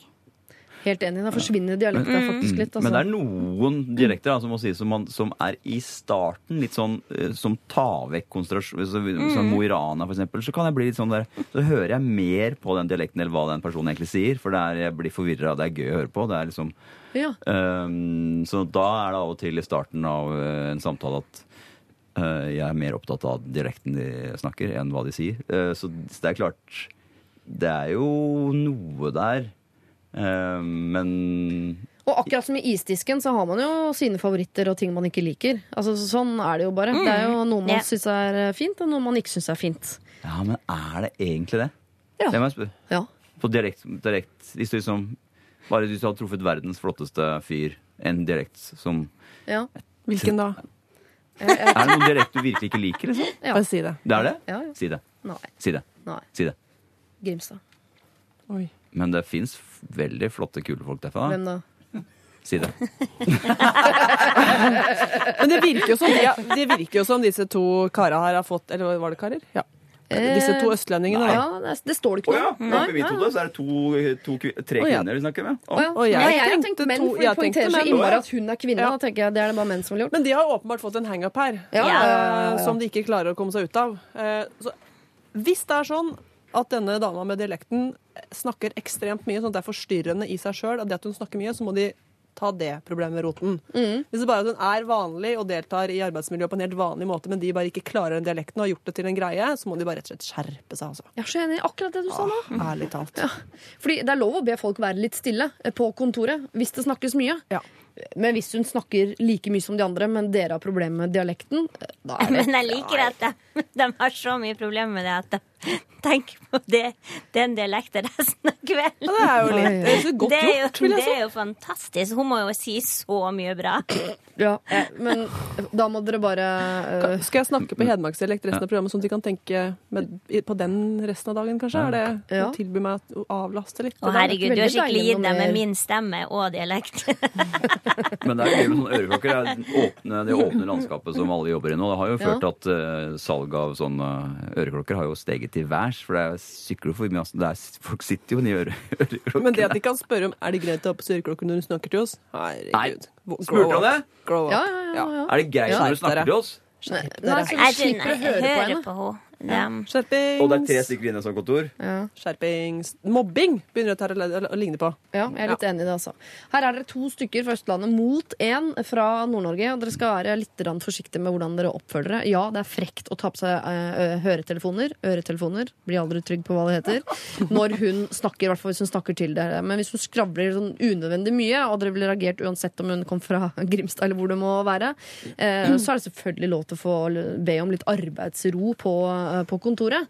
Men hvis dette her er en greie dere har skapt om at den dialekten er stygg, vet du hva, da, da uh, sier jeg, gjentar jeg det, jeg tror alle har sagt det her i dag, skjerp dere. Paris var det der med sin uh, Fire, og vi skulle i utgangspunktet egentlig ta tak i et nytt problem, men så dukket opp noe eh, Jeg er litt for fjetret. Ja. Har du klinet med Hilary Duff Uh, Torbjørn har. Uh, ja. Eh, ja, sånn. Men er ikke, du, er ikke du gift? Jo, altså det er virkelig viktig at det var ikke eh, Det er ikke på privaten, som vi pleier å si. Nei. Det var eh, i, På jobb? På jobb, rett og slett, ja. Ja. Kan Hvordan du er hun? Hvordan er hun? Ja, Og hun er eh, ganske ålreit. Du er fortsatt på jobb. Fortsatt gift. ja, jeg er fortsatt gift òg. Nei, hun er Det er flott. Det er veldig gøy, for hun er jo eh, Hun var jo sånn den første sånn Disney-stjernen, liksom. Ja. Som ble Så hun var jo da sikkert for eh, 87 år siden enda mye større enn hun er nå. Men hun Så hun har levd fra hun var tolv år. Så har ikke hun gått på skole. Vanlig skole. For hun gikk rett inn i Hollywood-maskineriet liksom, og spilte inn TV og hadde bare lære på settet og sånn. Eh, og nå er hun gått opp i hjørnet. Sånn at det er sånn det var så, opp i årene? Nei, hvor mange ganger, 25 eller noe sånt? Å, skal du ha. gammel rosin. Gammel, gammel Disney-stjerne. Ja, gammel til å være Disney. til å være sånn Disney-stjerne. Hun har altså ikke utdanna seg, altså. Jo, nei, så hun bare vært, liksom, gikk på, hadde, tok liksom high school og sånn, men alt var med sånn lærer på. Så, og da klart, da er det en eller annen sånn sosialisering som skjer på i skoletiden, Ja, ja. som jo er på en Altså, måte er Hva er du eh, prøver å si Mildred Duff nå? Nei, det er bare kult å møte som menneske som har liksom levd Sosialt litt klønete. Ja, nei, det ser jeg ikke, men uh, i hvert fall Gikk rett på klining, tydeligvis. Rett på klining. ja. Var ikke noe særlig å snakke med etterpå. Men uh, i uh, er kul, altså. denne vikingserien din, eller er den med Kafka, eller hvor Er hun på Nationaltheatret? Hun er ikke med i den vikingserien, nei. For det, er, jeg der er er en eller annen klinsj huge fan av Vikingserien. Jeg er så forelska i, i deg, eh, men også hovedrolle. Ja, Egentlig Men hovedrolle, hovedrolle, men det måtte jeg si siden det Hvor er det du har møtt på Hillary Duff på jobben? Var du bare Ja, det det. innom, eller Nei, jeg spilte i en sånn uh, Etter Vikings så har jeg vært, bodde i New York i uh, mange måneder og spilte inn en ny amerikansk serie som heter Younger. Oh, ja. Hvor Hillary Duff spilte en av hovedrollene, og jeg var en sånn kom inn og Kommer dette Clean til en, eh, en boks i mitt hjem i nærmeste fremtid? Ja, det vil jeg absolutt tro. Netflix, HBO? Jeg vet faktisk ikke hvor det kommer, men det går i USA nå. Kan du bruke denne unnskyldningen på jobben din, Anette? Du kan du kline med andre politikere På jobb. og si at jeg var, var på Du var på jobb? Ja. Jeg Nei, jeg, jeg, jeg hørte han sa det, tenkte sånn Jøss, yes, men skriver bare det. Er litt sånn, Ja. Går det an? Det har jeg aldri hørt noe før. Men uh, hvis man er skuespiller, så er det jo tydeligvis Den Nei, Jeg tror der, ikke politikere slipper unna med det, altså. Nei, jeg ser de prøver til stadighet. Jeg tror Else tok det lengste strået der. Lagde en kyssekonkurranse på sin egen TV-serie. Da er du så kåt, ass. Da er du så jævlig kåt! Jeg fikk en tekstmelding liksom, om det programmet. Ja.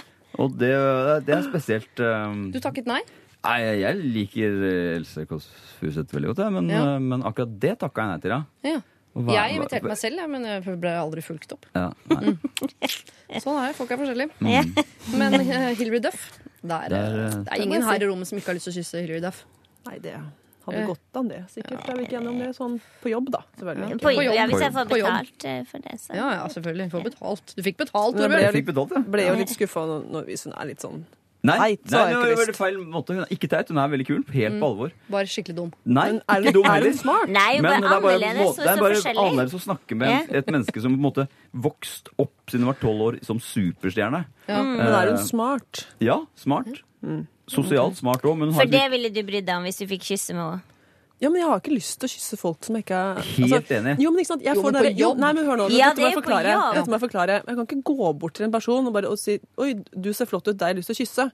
Jeg må snakke med dem først. De må ha noe, de må ha utstråling, ha noe å by på. Ja, ja. Da får jeg lyst til å kysse dem.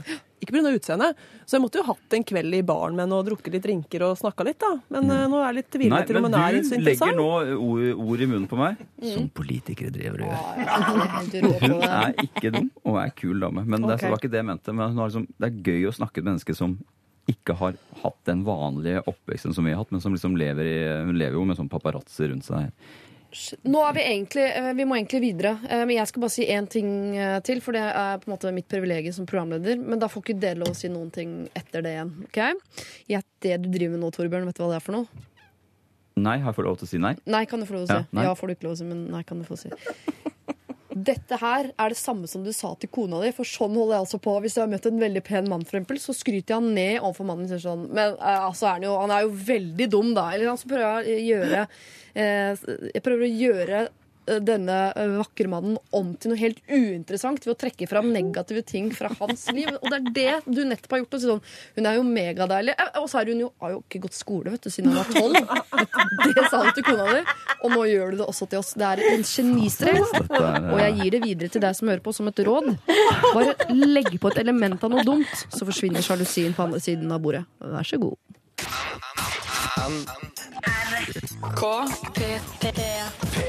P3. Ask Embla var eh, det vi hørte her med Father's Eyes. Og nå skal vi ta et eh, problem. Eh, Torbjørn Harr er fortsatt rådgiver. Det er også Anette Trettebergstuen og Trine Lise Olsen. Kjære Lørdagsrådet. Jeg møtte en kunde fra jobben på pub en kveld. Første gang jeg traff han var på jobb for et par år siden, og jeg ble litt betatt av han allerede da. Men fant ut at han var gift, og med barn, står det. Jeg håper jo da at han er gift og har barn, at han ikke er gift med barn, for det er veldig ekkelt. Så jeg la følelsene til side. Jeg pratet med han og vennene hans på puben, og når det stengte, så dro vi på nachspiel. Etter nachspielet fulgte han meg hjem, og det hele endte med at han ble med inn, og vi hadde sex. Jeg var full og kåt og glemte at han var gift.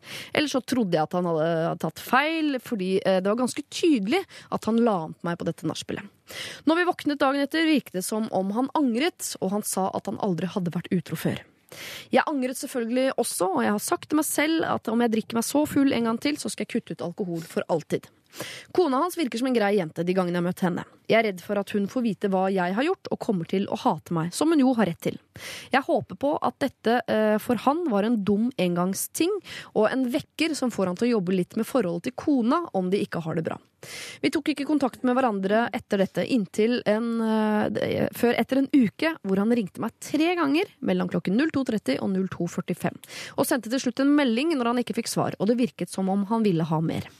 Om de ikke trives sammen og ekteskapet er dødsdømt, kan de gjerne skilles, og da hadde jeg kanskje håpet på at det ble noe mer mellom oss, men jeg vil ikke være årsaken til et eventuelt brudd, og jeg vil ikke bli oppringt hver gang han er full og kåt, så hva skal jeg gjøre? Jeg er en nier på konfliktskyhetsskalaen. Hilsen homemaker Pernille. For det første så vil jeg jo si at uh, hun omtaler det som noe hun har gjort. Det er jo først og fremst hans ansvar at det er han som er gift og sjekker opp en dame. Det er jo ikke bra.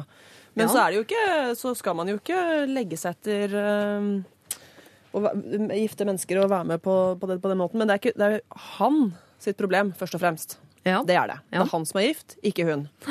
Um, og det høres jo ut som ikke sant, han ringer og, og ringer og midt på natta, og ja, han tar det åpenbart ikke så alvorlig som han i utgangspunktet sa at han gjorde morgenen etter. Ah, trøbbel. Men nå vil jo hun gjøre noe riktig, men samtidig legge til rette for at dersom de nå skulle finne på å gå fra hverandre, en, ja, du vil ikke ha en mann som har vært utro. Hvordan skal det forholdet bli? Tror du at han ikke kommer til å være utro mot deg? Liksom bare, At det bare sånn er engangstilfelle? Jeg har jo også liksom med at han later som at han var så seriøs, og så driver han og ringer når han er kåt igjen. Da er han jo ikke det. Han har jo lyst på en elskerinne, og han søker det også. Det tenker jeg. Ja, eh, jeg er veldig enig i at det er hans problem. Dette er ikke hennes problem. Men jeg er ikke enig om at du ikke kan være sammen med en som har vært utro. Det er ikke noen generell regel.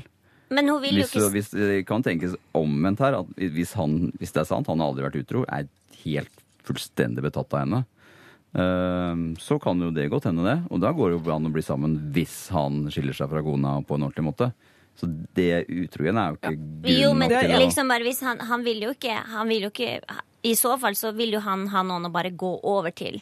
Han vil jo ikke gjøre det. Han gjør det ikke det ikke helt. Du, det er hvem som ringer klokka halv to? Da har du lyst til å jeg, du er, du er, litt, du er litt for hard nå. Jeg er enig med Torbjørn, fordi det er mange forhold som har endt og starta ved at man har hatt litt overlapping. eh, Og det er jo aldri bra, selvfølgelig, men, men det vil ikke dermed si at han er en drittsekk som nødvendigvis går rundt og er utro mot alle og bare vil ha seg en elskerinne. Det kan godt hende, som Torbjørn sier, at han eh, har møtt eh, kvinnen i sitt liv eh, i denne Og som ringer han sender inn klokka halv to. Jo, men det er han tør, for da er han full. Men, men problemet er da at hun, hennes jobb, er jo nå å si liksom Hvis hun da enten Om hun vil ha slutt på det, eller hvis- hun tenker at hun kan bli sammen, så må hun bare si Hun må være, kan ikke være ni på konfliktskyhetsskalaen her. Hun må si til han veldig tydelig jeg råd, bare enten, enten så må du skille deg fra kona di på en ryddig måte og vente et halvt år. Så kan du kontakte meg, eller så må du aldri mer ringe eller sende tekstmelding. Og hvis det du er Vil du vil du være hun som sier sånn Da må du skylde deg fra kona di. Og så Nei, gjør han det, og så står hun der sånn sånn Nei, jeg liker det ikke så veldig godt. Ja, uansett, selvfølgelig, og det er hun, hun sin fulle rett til. Men hun, Ja. han, hun må bare sette ned ekstremt foten på å få, sånn derre SMS-er klokka halv to om natta. Det går ikke an. Hun Men hvis hun sier til han at eh, du må skille deg, da er jo hun grunnen til at han skiller seg. Og det vil jo hun ikke Nei, det være. er- Hun er jo det åpenbart ikke der. Jo, men men altså, vil jo ikke det er være det. Det er viktig at hun Hun må ikke dømme han fordi at de har hatt sex i fylla. Tenke at han er en sånn en som er helt uhelbredelig og Ja, men utro. Det er det ikke. Men, hun må, men hun må, hun må hvis, hun har, hvis hun har lyst til å bli kjent med fyren, så de må, Han må slutte å ringe klokka to på natta når han er full og har lyst til å treffe henne. Mm. Eh, De må ikke snike seg rundt. Eh, Gå på kafé, prat sammen og si at eh, dette vil du ikke være med på, du skal ikke være noen elskerinne.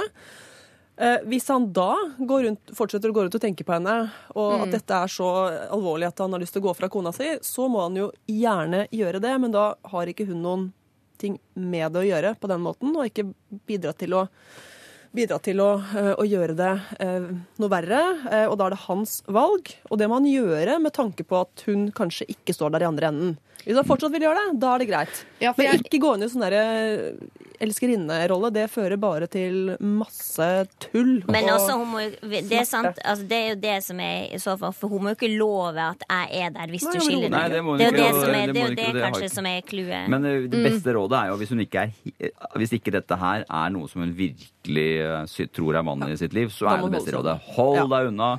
Og, si, eh, og så må hun eh, si 'ikke send meldinger'. Mm. Det må hun si veldig tydelig. La meg si, Det må hun si veldig tydelig fem ganger. Mm. Og så må hun si Hvis du sender mer meldinger nå, så må jeg liksom ta ordentlig affære for å få det til å slutte. Ja. Fordi at uh, hun, Der må hun ikke være konfliktsky. Jeg er helt enig i at hun må, øh, hun må på en måte øh, holde seg langt unna. Hvis noen skal jobbe seg inn i et forhold her nå, så må han virkelig jobbe. Fordi dere har rett alle sammen, egentlig. Og problemet er bare at vi veit ikke hvem av dere som har rett, fordi vi ikke vet noe om denne fyren. For enten er han en fyr som bare er en utro-typen, som ligger med en eller annen, er ute etter en booty call og ringer på natta for å ligge rundt, og han kommer til å fortsette sånn resten av livet. Og oddsen Eller- ja. for det. Altså, I'm sorry. det er faktisk sorry. Oddsen er store for det. er Absolutt. Er Helt enig. Eller så er altså uh, homewrecker Pernille, som hun kaller seg her, eller så er det kvinnen i hans liv. Men hvis hun er det, så hjelper det ikke at hun sier fem ganger 'hold deg unna'. For hvis han har møtt kvinnen i sitt liv, så, eh, så kommer han til å jobbe på en helt annen måte enn å ringe full klokken halv fire og bli ligge med henne. Så jeg tror at eh, det eneste riktige hun kan gjøre her, er som du sier, be han holde seg unna. Og klar, hvis det er kvinnen i hans liv, så klarer han det ikke. Og da er det ikke hun som er homewrecker. Yes. Eh, stakkars deg, eh, Pernille. Dette her er ikke noe lett. Og hvis du liker han også, så er det vanskelig å gjøre det man skal. For jeg tipper du også klokken halv tre på natta kanskje kunne tenkt deg en runde nummer to. Og det vil man jo selv om det er feil. Eh, og man veit man ikke skal gjøre det, og, du vil ikke være hun som ødelegger. Og, men så vil, liker du jo han, da, og du vil jo ligge med han, da. Det er ikke din skyld. Og, ikke sant? Så er det er kjempevanskelig å gjøre det som er riktig. Eh, men samtidig må du tenke på at selv om ikke du gjør det som er riktig, så gjør du heller ikke noe som er sånn kjempefeil heller. Og den som venter på noe godt, osv. Ja. Jeg følte at vi var dette Nå altså, vi- ja, u- usedvanlig umoral jeg, jeg følte at, Nei, jeg følte det ikke var fornuftig. Hæ, syns du ikke? Litt sånn umoralsk, nesten en slags oppfordring til, eh, Nei. til skilsmisse, følte jeg at det ble her nå. Nei. Nei, Vi har jo bedt henne si til han fem ganger ja. at han skal holde seg unna. Ja. De skal jo de skal jo, Jeg mener at vi det skal, fem ganger, det skal innføres sånn karantenetid. Ja. Han kan ikke gå og skille seg fra kona, og så gå rett ene Men jeg Nei, men nå, vi har jo ikke nå blitt bedt om å gi råd til eh, han hva han Nei, skal gjøre. som han skal skille seg Det er holder ikke vi vi. er at han har. Vi toucher det at- ikke. Nei, Nei. det er ikke hennes problem. egentlig. Men jeg liker at hun ikke har lyst til å være homewrecker. Jeg veldig, veldig syns-. Ja, ja, Jeg syns det er bra at eh, Nå kan jeg bare snakke for mitt kjønn, uh, men at uh, kvinner er snille med andre kvinner. Ja, og det er jeg helt enig i. Jeg også tenker at selv om ikke det er ditt ansvar, så er det på en måte ditt ansvar å være grei med andre mennesker. Også kona til den mannen, så det er ikke noe vits i å bli med på det bare for å bli med på det. Selv om eh, det er til syvende og sist er hans ansvar å sørge for at det ikke skjer. Men nå er det deg vi skal gi råd til, og ikke han fyren. Så skilsmisse eller ikke skilsmisse, la vi ligge. Det du skal gjøre, Pernille, er å si fra at han skal holde seg langt unna. Hva han gjør? Ja, Få sende en mail, da. Eller alfakrøll nrk.no.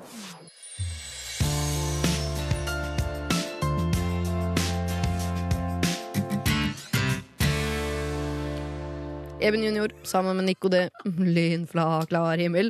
Før det er Axwell Ingrosso, 'Sun Is Shining'. Eh, hvem røyker? Eh, Torbjørn Harr, røyker du? Ikke.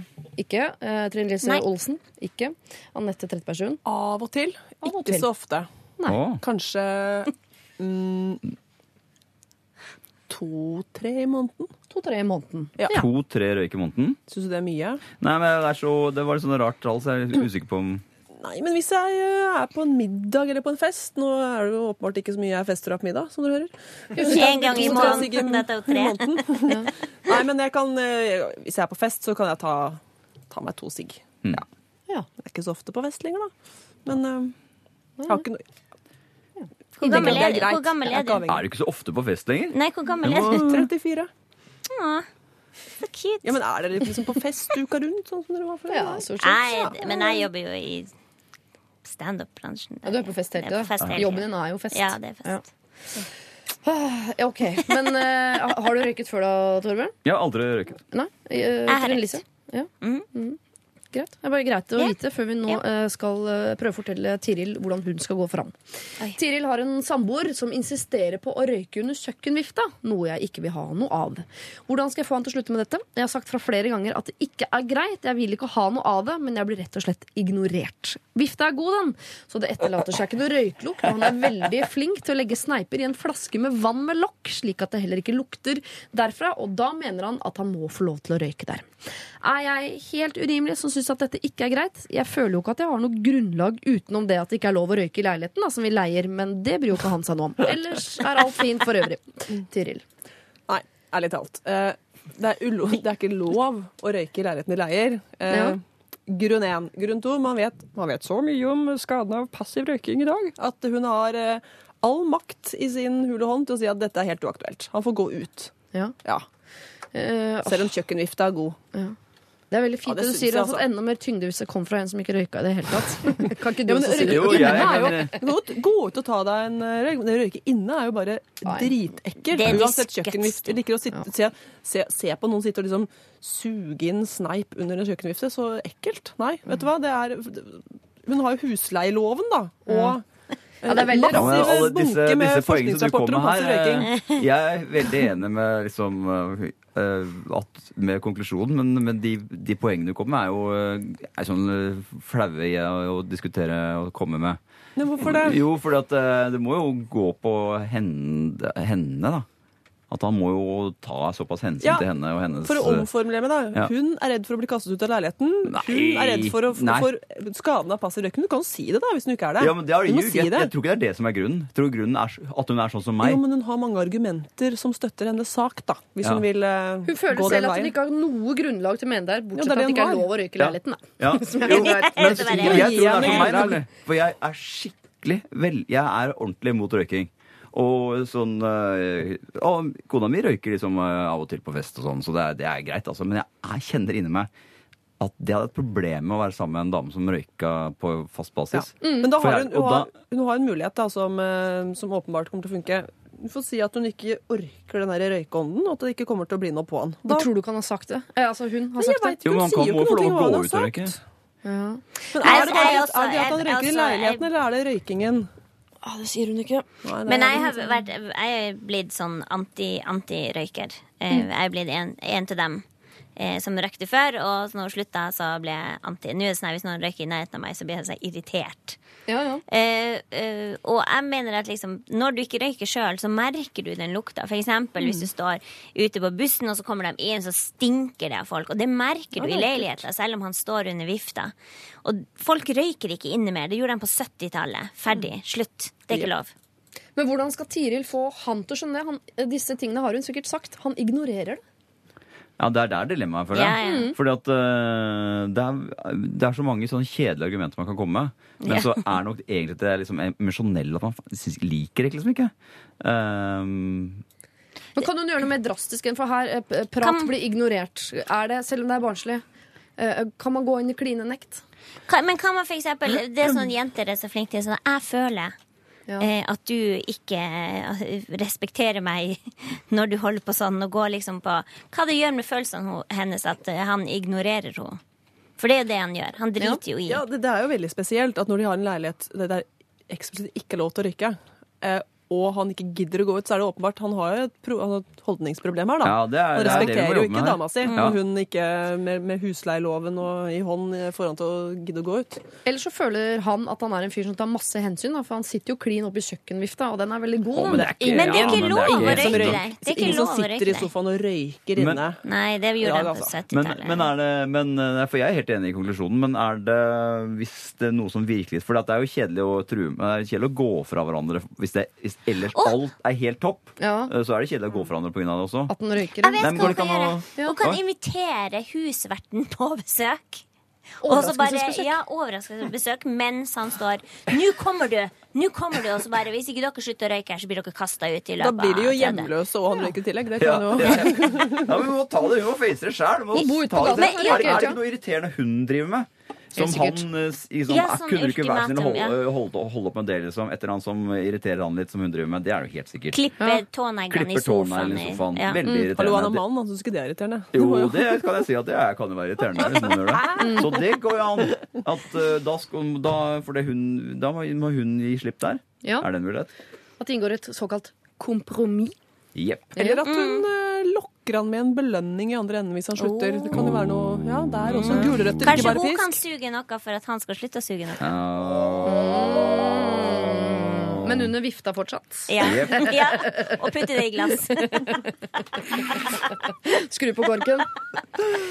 Åh, Tiril, eh, problemet her er jo at han ignorerer For alle argumentene har du. Altså, Det er ikke lov. Du liker ikke eh, at han røyker. Det er mange argumenter, så problemet er ikke det. det er, problemet er at du blir ignorert. Og da, eh, hvis prat blir ignorert, så må du inn med noe action. Da må du enten eh, straffe eller bjuda på.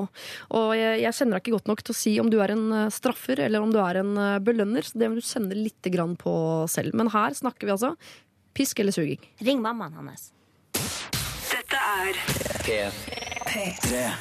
Fra en fyr med mye penger, altså Calvin Harris her, How Deep Is Your Love, skal vi over til en uh, ung jente som uh, ikke har så mye penger. Jeg har et litt bagatellmessig problem. For et år siden tok jeg taxi hjem fra byen med noen venninner. Jeg la ut, og de andre skulle betale meg tilbake senere. Vi var fire stykker til sammen, og det ble 180 kroner på hver. Kun én av jentene betalte meg tilbake, og jeg glemte rett og slett det hele, og oppdaget nå nylig at de to andre fremdeles skylder meg pengene. Problemet er da følgende. Kan jeg be om å få disse pengene? Vi er alle studenter og har ikke akkurat flust med penger til overs. Derfor så ønsker jeg i utgangspunktet ikke å kreve noe av dem økonomisk. Samtidig så har det gått såpass lang tid at jeg føler meg som tidenes gjerrigknark om jeg kommer med dette nå såpass mye senere. Jeg vil liksom ikke være den venninna. Jeg eh, vil legge til at jeg ellers er ganske raus og ikke en typisk gjerrigknark. Likevel tenker jeg på at dette faktisk jo er mine penger, og at det er ikke sånn at jeg skal spandere taxi hjem på alle. Det er jo risken ved å legge ut, da, men det er også mitt ansvar å si ifra. Det er ikke en kjempesum heller, så jeg føler meg veldig pirkete, men det utgjør samtidig nesten hele mitt matbudsjett for en uke. Tenker også på hun som faktisk betalte, at det er urettferdig overfor henne at hun skal måtte betale når de andre ikke behøver. Så hva skal jeg gjøre? Er det greit å be om å få pengene tilbake, eller er de bare tapt? Jeg kan legge til at jeg ikke er særlig konfliktsky, og at dette er svært gode venninner av meg, med vennlig hilsen Solveig. Ja, eh, hva tenker dere? Jeg må si hvem dere er eh, først. Ja. Eh, Torbjørn Harr. Ja. Eh, Trine Lise Olsen, Anette Trettebergstuen. Jeg må innrømme at jeg ofte har vært hun derre som eh, har glemt å betale når en har lagt ut. Bare Ja. for at jeg glemmer sånne ting. Og da ville du satt pris på at noen minnet deg på det, ikke veldig pris på å bli minnet på det, og er veldig lei meg hver gang jeg innser at jeg har glemt det. Betaler villig. Ja. Eh, og de her har, har blitt enige om at hun skulle legge ut, og at de skal betale. Det er mulig at de har glemt det. Eh, om de ikke har glemt det, men bare har latt være eh, og liksom vente på en påminnelse, så er det uansett helt greit å si fra. Og spesielt når hun sier at det utgjør matbudsjettet på en måte. Hun er en raus person, som hun sier. Det er åpenbart ikke sånn at hun går rundt og er gnien til hverdags, så dette kommer ikke til å være et problem.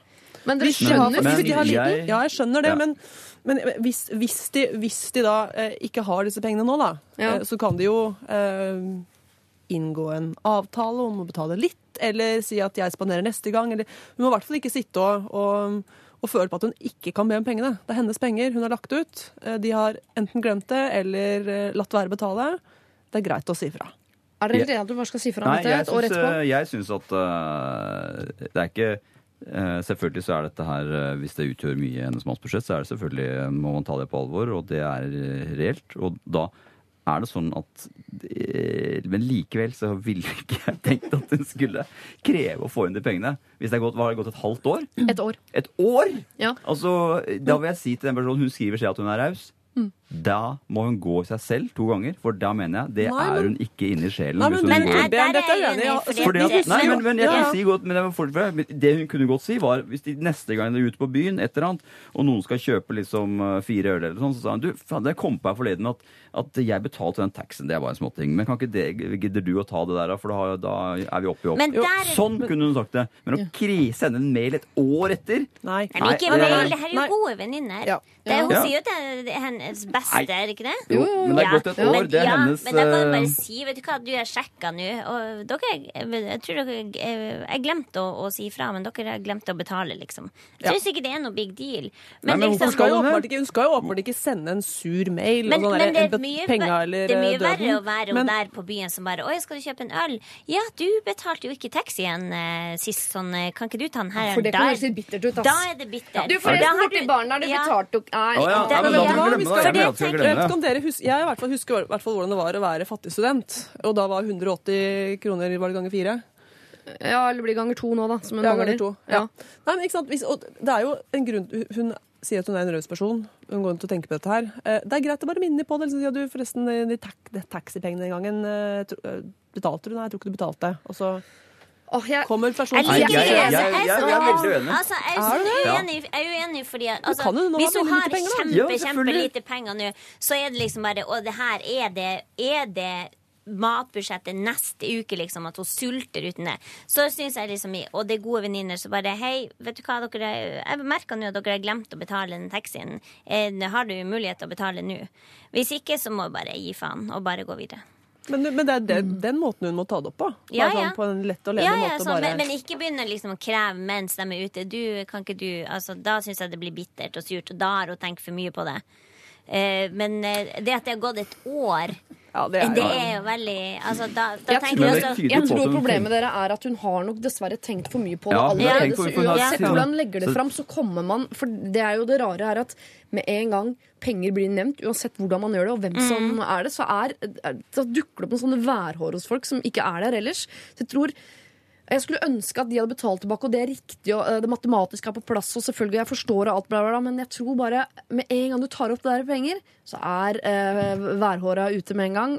Og uansett om du sier det på en hyggelig måte, eller på mail, eller på en tirsdag, eller eh, over en øl, så kommer folk til å tenke sånn Å, herregud, skulle mase om de pengene. Det er et år siden. Men jeg vet hva som jeg liker veldig godt øh, å være. Jeg liker veldig godt å være Mann. Ja, det liker jeg veldig godt å være mann. Men jeg liker veldig godt å være ovenpå Ja. på skylling. Men det er lett når man har penger, da. Mm, det Ja, det er lett når man har Ja, men det er penger, men det, er, det gjelder også på tjenester og alt sånne ting også. Ja. Og da, fordi det er en deilig følelse at hun uh, hun er, da er hun overpå. fordi at hvis man går da og sier de som de øh, da 180 kronene ganger to for ett år siden Hvis man, hvis man lar seg selv gruble for mye på det, Mm. så er man inni sjelen ikke så raus som hun liker at hun skal være. Hun har jo klart seg i ett år nå uten de 360 Ja, kronene. og det er ikke sånn at hun har levd på nåde i et år. Så, så kan hun med god samvittighet, når de gode venninnene betaler for henne, så kan hun med god samvittighet takke. Jepp, takk for det. Jeg vet hva hun kan gjøre. Hun kan gå til hovedvenninna som har betalt. Ja. Og så kan hun si at vet du at det var bare du som betalte for den taxien. Ja. Har de dårlig råd? Liksom spørre hun om råd. Og få oh, så ikke gjøre greie ut av det. Det er enda verre. og lage sånne jentegreier og Nei, ikke rotte seg sammen. Hvis du skal, så må du face det. altså. Det, Jeg tror med, en gang man, med en gang man nevner penger, uansett om det er i pluss eller minus, så Jo, tror men det folk at du er er jo sånn som hun sier også, at det er jo flaut. Altså, hvis de bare har glemt det, så er det jo råflaut. Ja, da skulle hun nevnt, da skulle vi nevnt det for det er, hun, hun tar det opp Men hvis hun legger det frem altså. som at hun har, dårlig, vet du, har så dårlig råd denne uka liksom, eh, Jeg vet det er et år siden, men du eh, jeg fikk eh, alle penger for den taxituren. Er det mulig at du kan sponse meg denne uka? Eneste muligheten jeg ser her, hvis hun skal ha igjen pengene, er å øh, ljuge bitte lite grann. Eh, jeg vet at øh, man ikke skal råde om å, å, å ljuge, men jeg er ikke så motstander av ljuging som folk flest. Ikke jeg heller. Eh, så jeg ville, til, så. hvis jeg var Solveig, så ville jeg på, ved en eller annen anledning, eh, når det byr seg, spurt om å låne Ikke 180, men sånn åh, sorry, kan jeg låne 150 kroner av deg? Jeg har glemt lommeboka mi. eller noe sagt. Og håpe at hun kom sånn Men skylder ikke jeg deg 180? Hva? For hva da? Den taxituren? For et år siden Har du Det har jeg ikke Ja, tenkt på. ja, ja, ok, ja, samme det, var greit. kommer.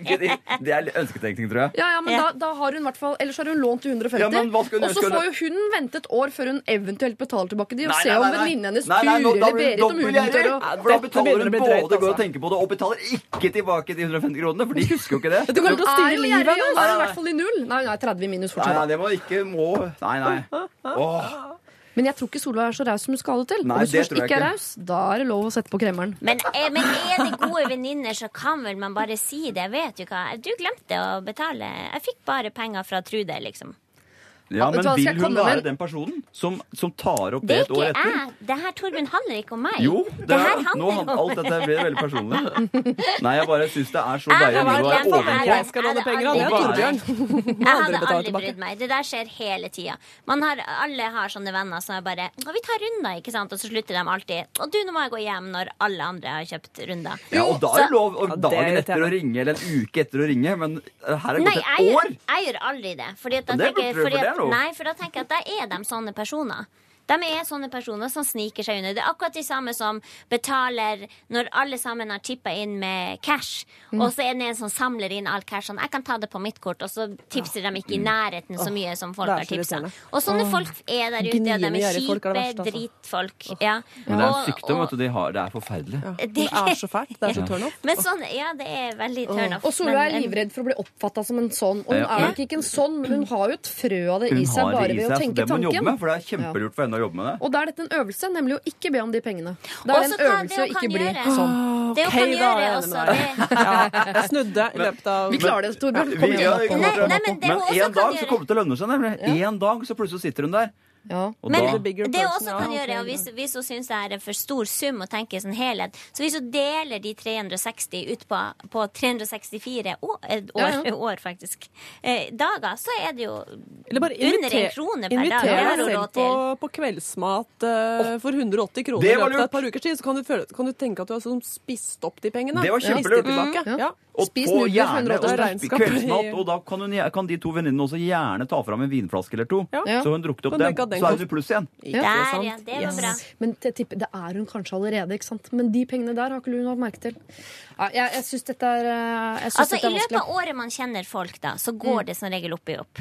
Ja, Hvis man har eneste- gode venner, så går det opp i opp. Liksom, man har perioder man har god råd, og så har man dårlig råd, og så støtter man hverandre gjennom det. Og så, hvis man kjenner hverandre i 50 år, så går det opp. Og til Eller alle dere som er, har det lille, og kanskje jeg er det også, nå skal jeg ikke si det, men til alle som har et sånt lite, eh, lite gjerrig gen i seg, for det er veldig er vanlig å ha det, man merker det. Ja, og det man må jobbe, man må jobbe med seg selv hver gang. Hver dag må man jobbe seg selv. Du må jobbe imot det. Jeg tror Solveig, du også har det genet i deg. Du må jobbe mot det. Og første eh, hjemmelekse eh, i jobben mot å bli gjerrigknark er å ikke be om pengene.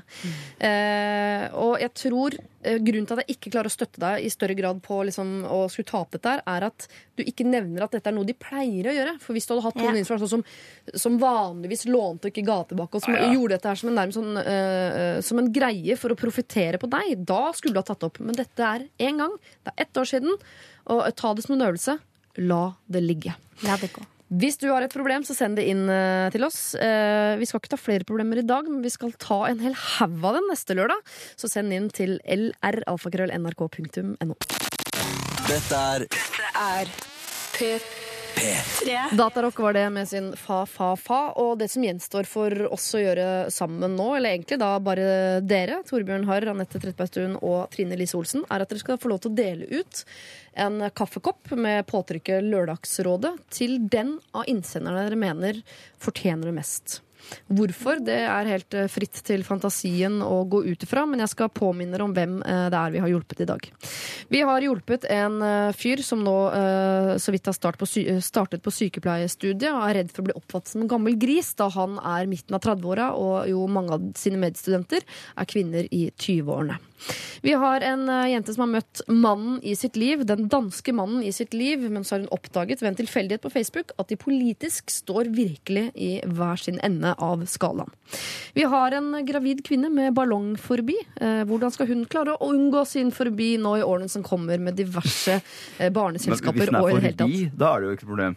Hva sier jeg forbi? Ja, du sier det, så da, så det er det ikke problem lenger. Men hvis det er en forbi, da er det jo Da er det jo over.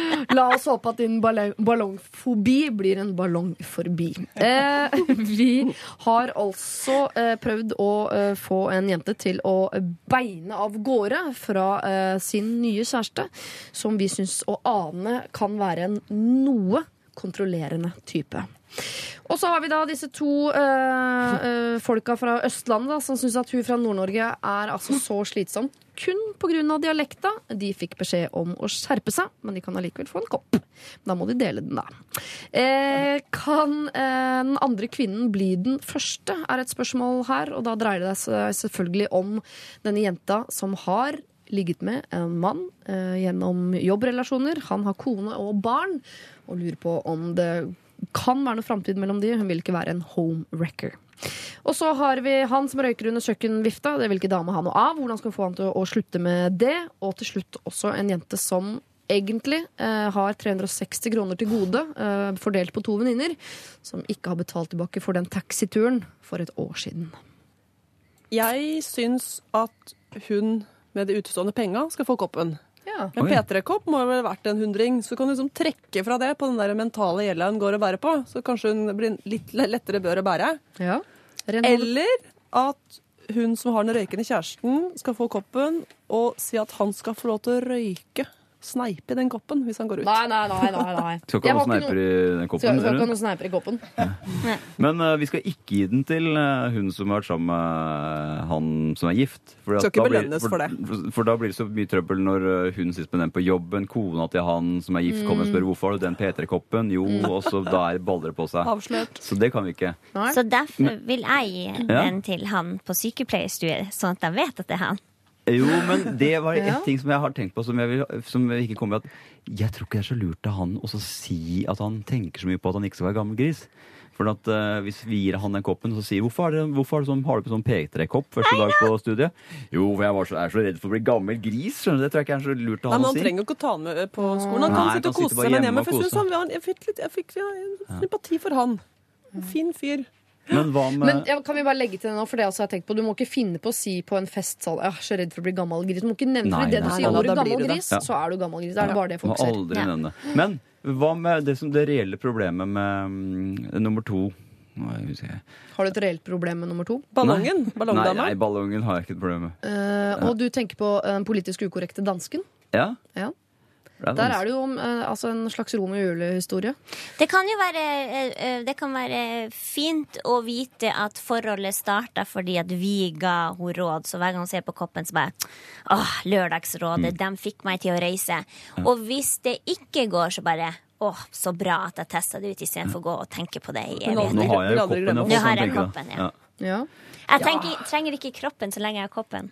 Du, jeg tror vi Skal vi ikke slå til på denne? På, ja, eller ellers så kan vi gi den til han eh, på sykepleierskolen òg. Altså, men eh, det, det vanskeligste problemet var eh, dansketuren. Ja. Ja, jeg, jeg, Sykepleierdude, we love you. Ja. Men danske problemet får koppen. Ja. ja. Ja. Okay. Hun trenger trøst hvis han er rasist. Ja. Og det veier jo en P3-kopp for lett. Ja, er det gærent? Det var mye glede en sånn P3-kopp. Ikke noe er som en kopp rykende fersk kaffe når dra du er over en rasist. Ja. Kanskje hun må dra hjem fra Danmark, slukøret. Eh, og det må også være en, den P3-koppen da må også være en oppfordring at hvis hun kjenner inni magen yeah. oh, dette er gærent, så må hun ha den koppen, og det skal gi henne styrke til å ikke gå inn i det forholdet hvis det Det er kurerer gruff. Yes. Og du kjente deg ikke igjen i min beskrivelse dramatiker på begynnelsen av eh, morgenen i dag. Åh, kunne ikke vært mer passende. Dere, tusen takk for at dere har vært her i dag. Det har vært veldig, veldig hyggelig. Jeg skal selvfølgelig sende en kopp av gårde eh, til denne unge jenta som potensielt har funnet kjærligheten i Danmark. Og så håper jeg at hun ikke forandrer han, men får han på litt bedre tanker sånn rent politisk. Hva nå de uenighetene skulle være, om det er eh, skattepolitikk eller innvandringspolitikk eller hva det nå måtte være. Eh, ha en fortreffelig lørdag videre, da, dere. Tusen takk. I Takk like måte. Ha det bra. Ha det. P3 Dette er Lørdagsrådet på P3. P3 Susanne Sundfør fikk vi der med sin Kamikaze, og eh, dagens eh, tre rådgivere de har fått lov til å gå videre inn i sine lørdager. Hvis du satt og tenkte sånn 'Å, hvem var de folka?' skrudde på i siste sekund. 'Å, jeg har hørt den stemmen før. Hvem er de, hvem er de, hvem er de?' Så kan jeg fortelle deg. Torbjørn Harr var her, selvfølgelig, og den eh, stemmen hører man jo enten fordi man går på teater, eller fordi han er jo med i eh, ekstremt mye tegnefilmer. Eller fordi du ser på Vikings. Eller så mange andre grunner. Kanskje du er en eh, melankoliker som fortsatt sitter og, og på YouTube og ser på gamle episoder av Frida. Eh, og så var det Anette Trettebergstuen, som du jo eh, hører overalt hele tiden fordi hun er eh, politiker med høy røst. Eller så var det eh, også da til sist Trine Lise Olsen, som jo er en av Norges nyeste og beste komikere. Eh, jeg kan fortelle deg her jeg sitter, at eh, de tre timene de var her, det lar seg podkaste. Eh, ja ja, sånn er det, og det gjør alle andre episoder av Lørdagsrådet også, hvis du skulle være interessert i det. Og bildene ligger jo der bilder ligger, de. På Facebook, Instagram osv. Og, så og vi kommer også tilbake neste lørdag. Hvis du tenker at de folka der de skal få lov til å hjelpe meg, så sender du inn problemet ditt på mail til lralfakrøll.nrk.no, så kanskje du er så heldig å få være en av de som vi faktisk hjelper. Og neste uke så kan jeg fortelle deg at de som eventuelt hjelper deg da, er eh, Einar Tørnquist, Leo Ajkic og eh, Are Kalve. Nå er det Lunsjkake sin tur til å, å prate, prate eh, her på radioen, eh, men ikke før nyhetene er uh, ferdig. Fram dit så hører du Dawn of After the Night. Ha det! Dette er NRK P3.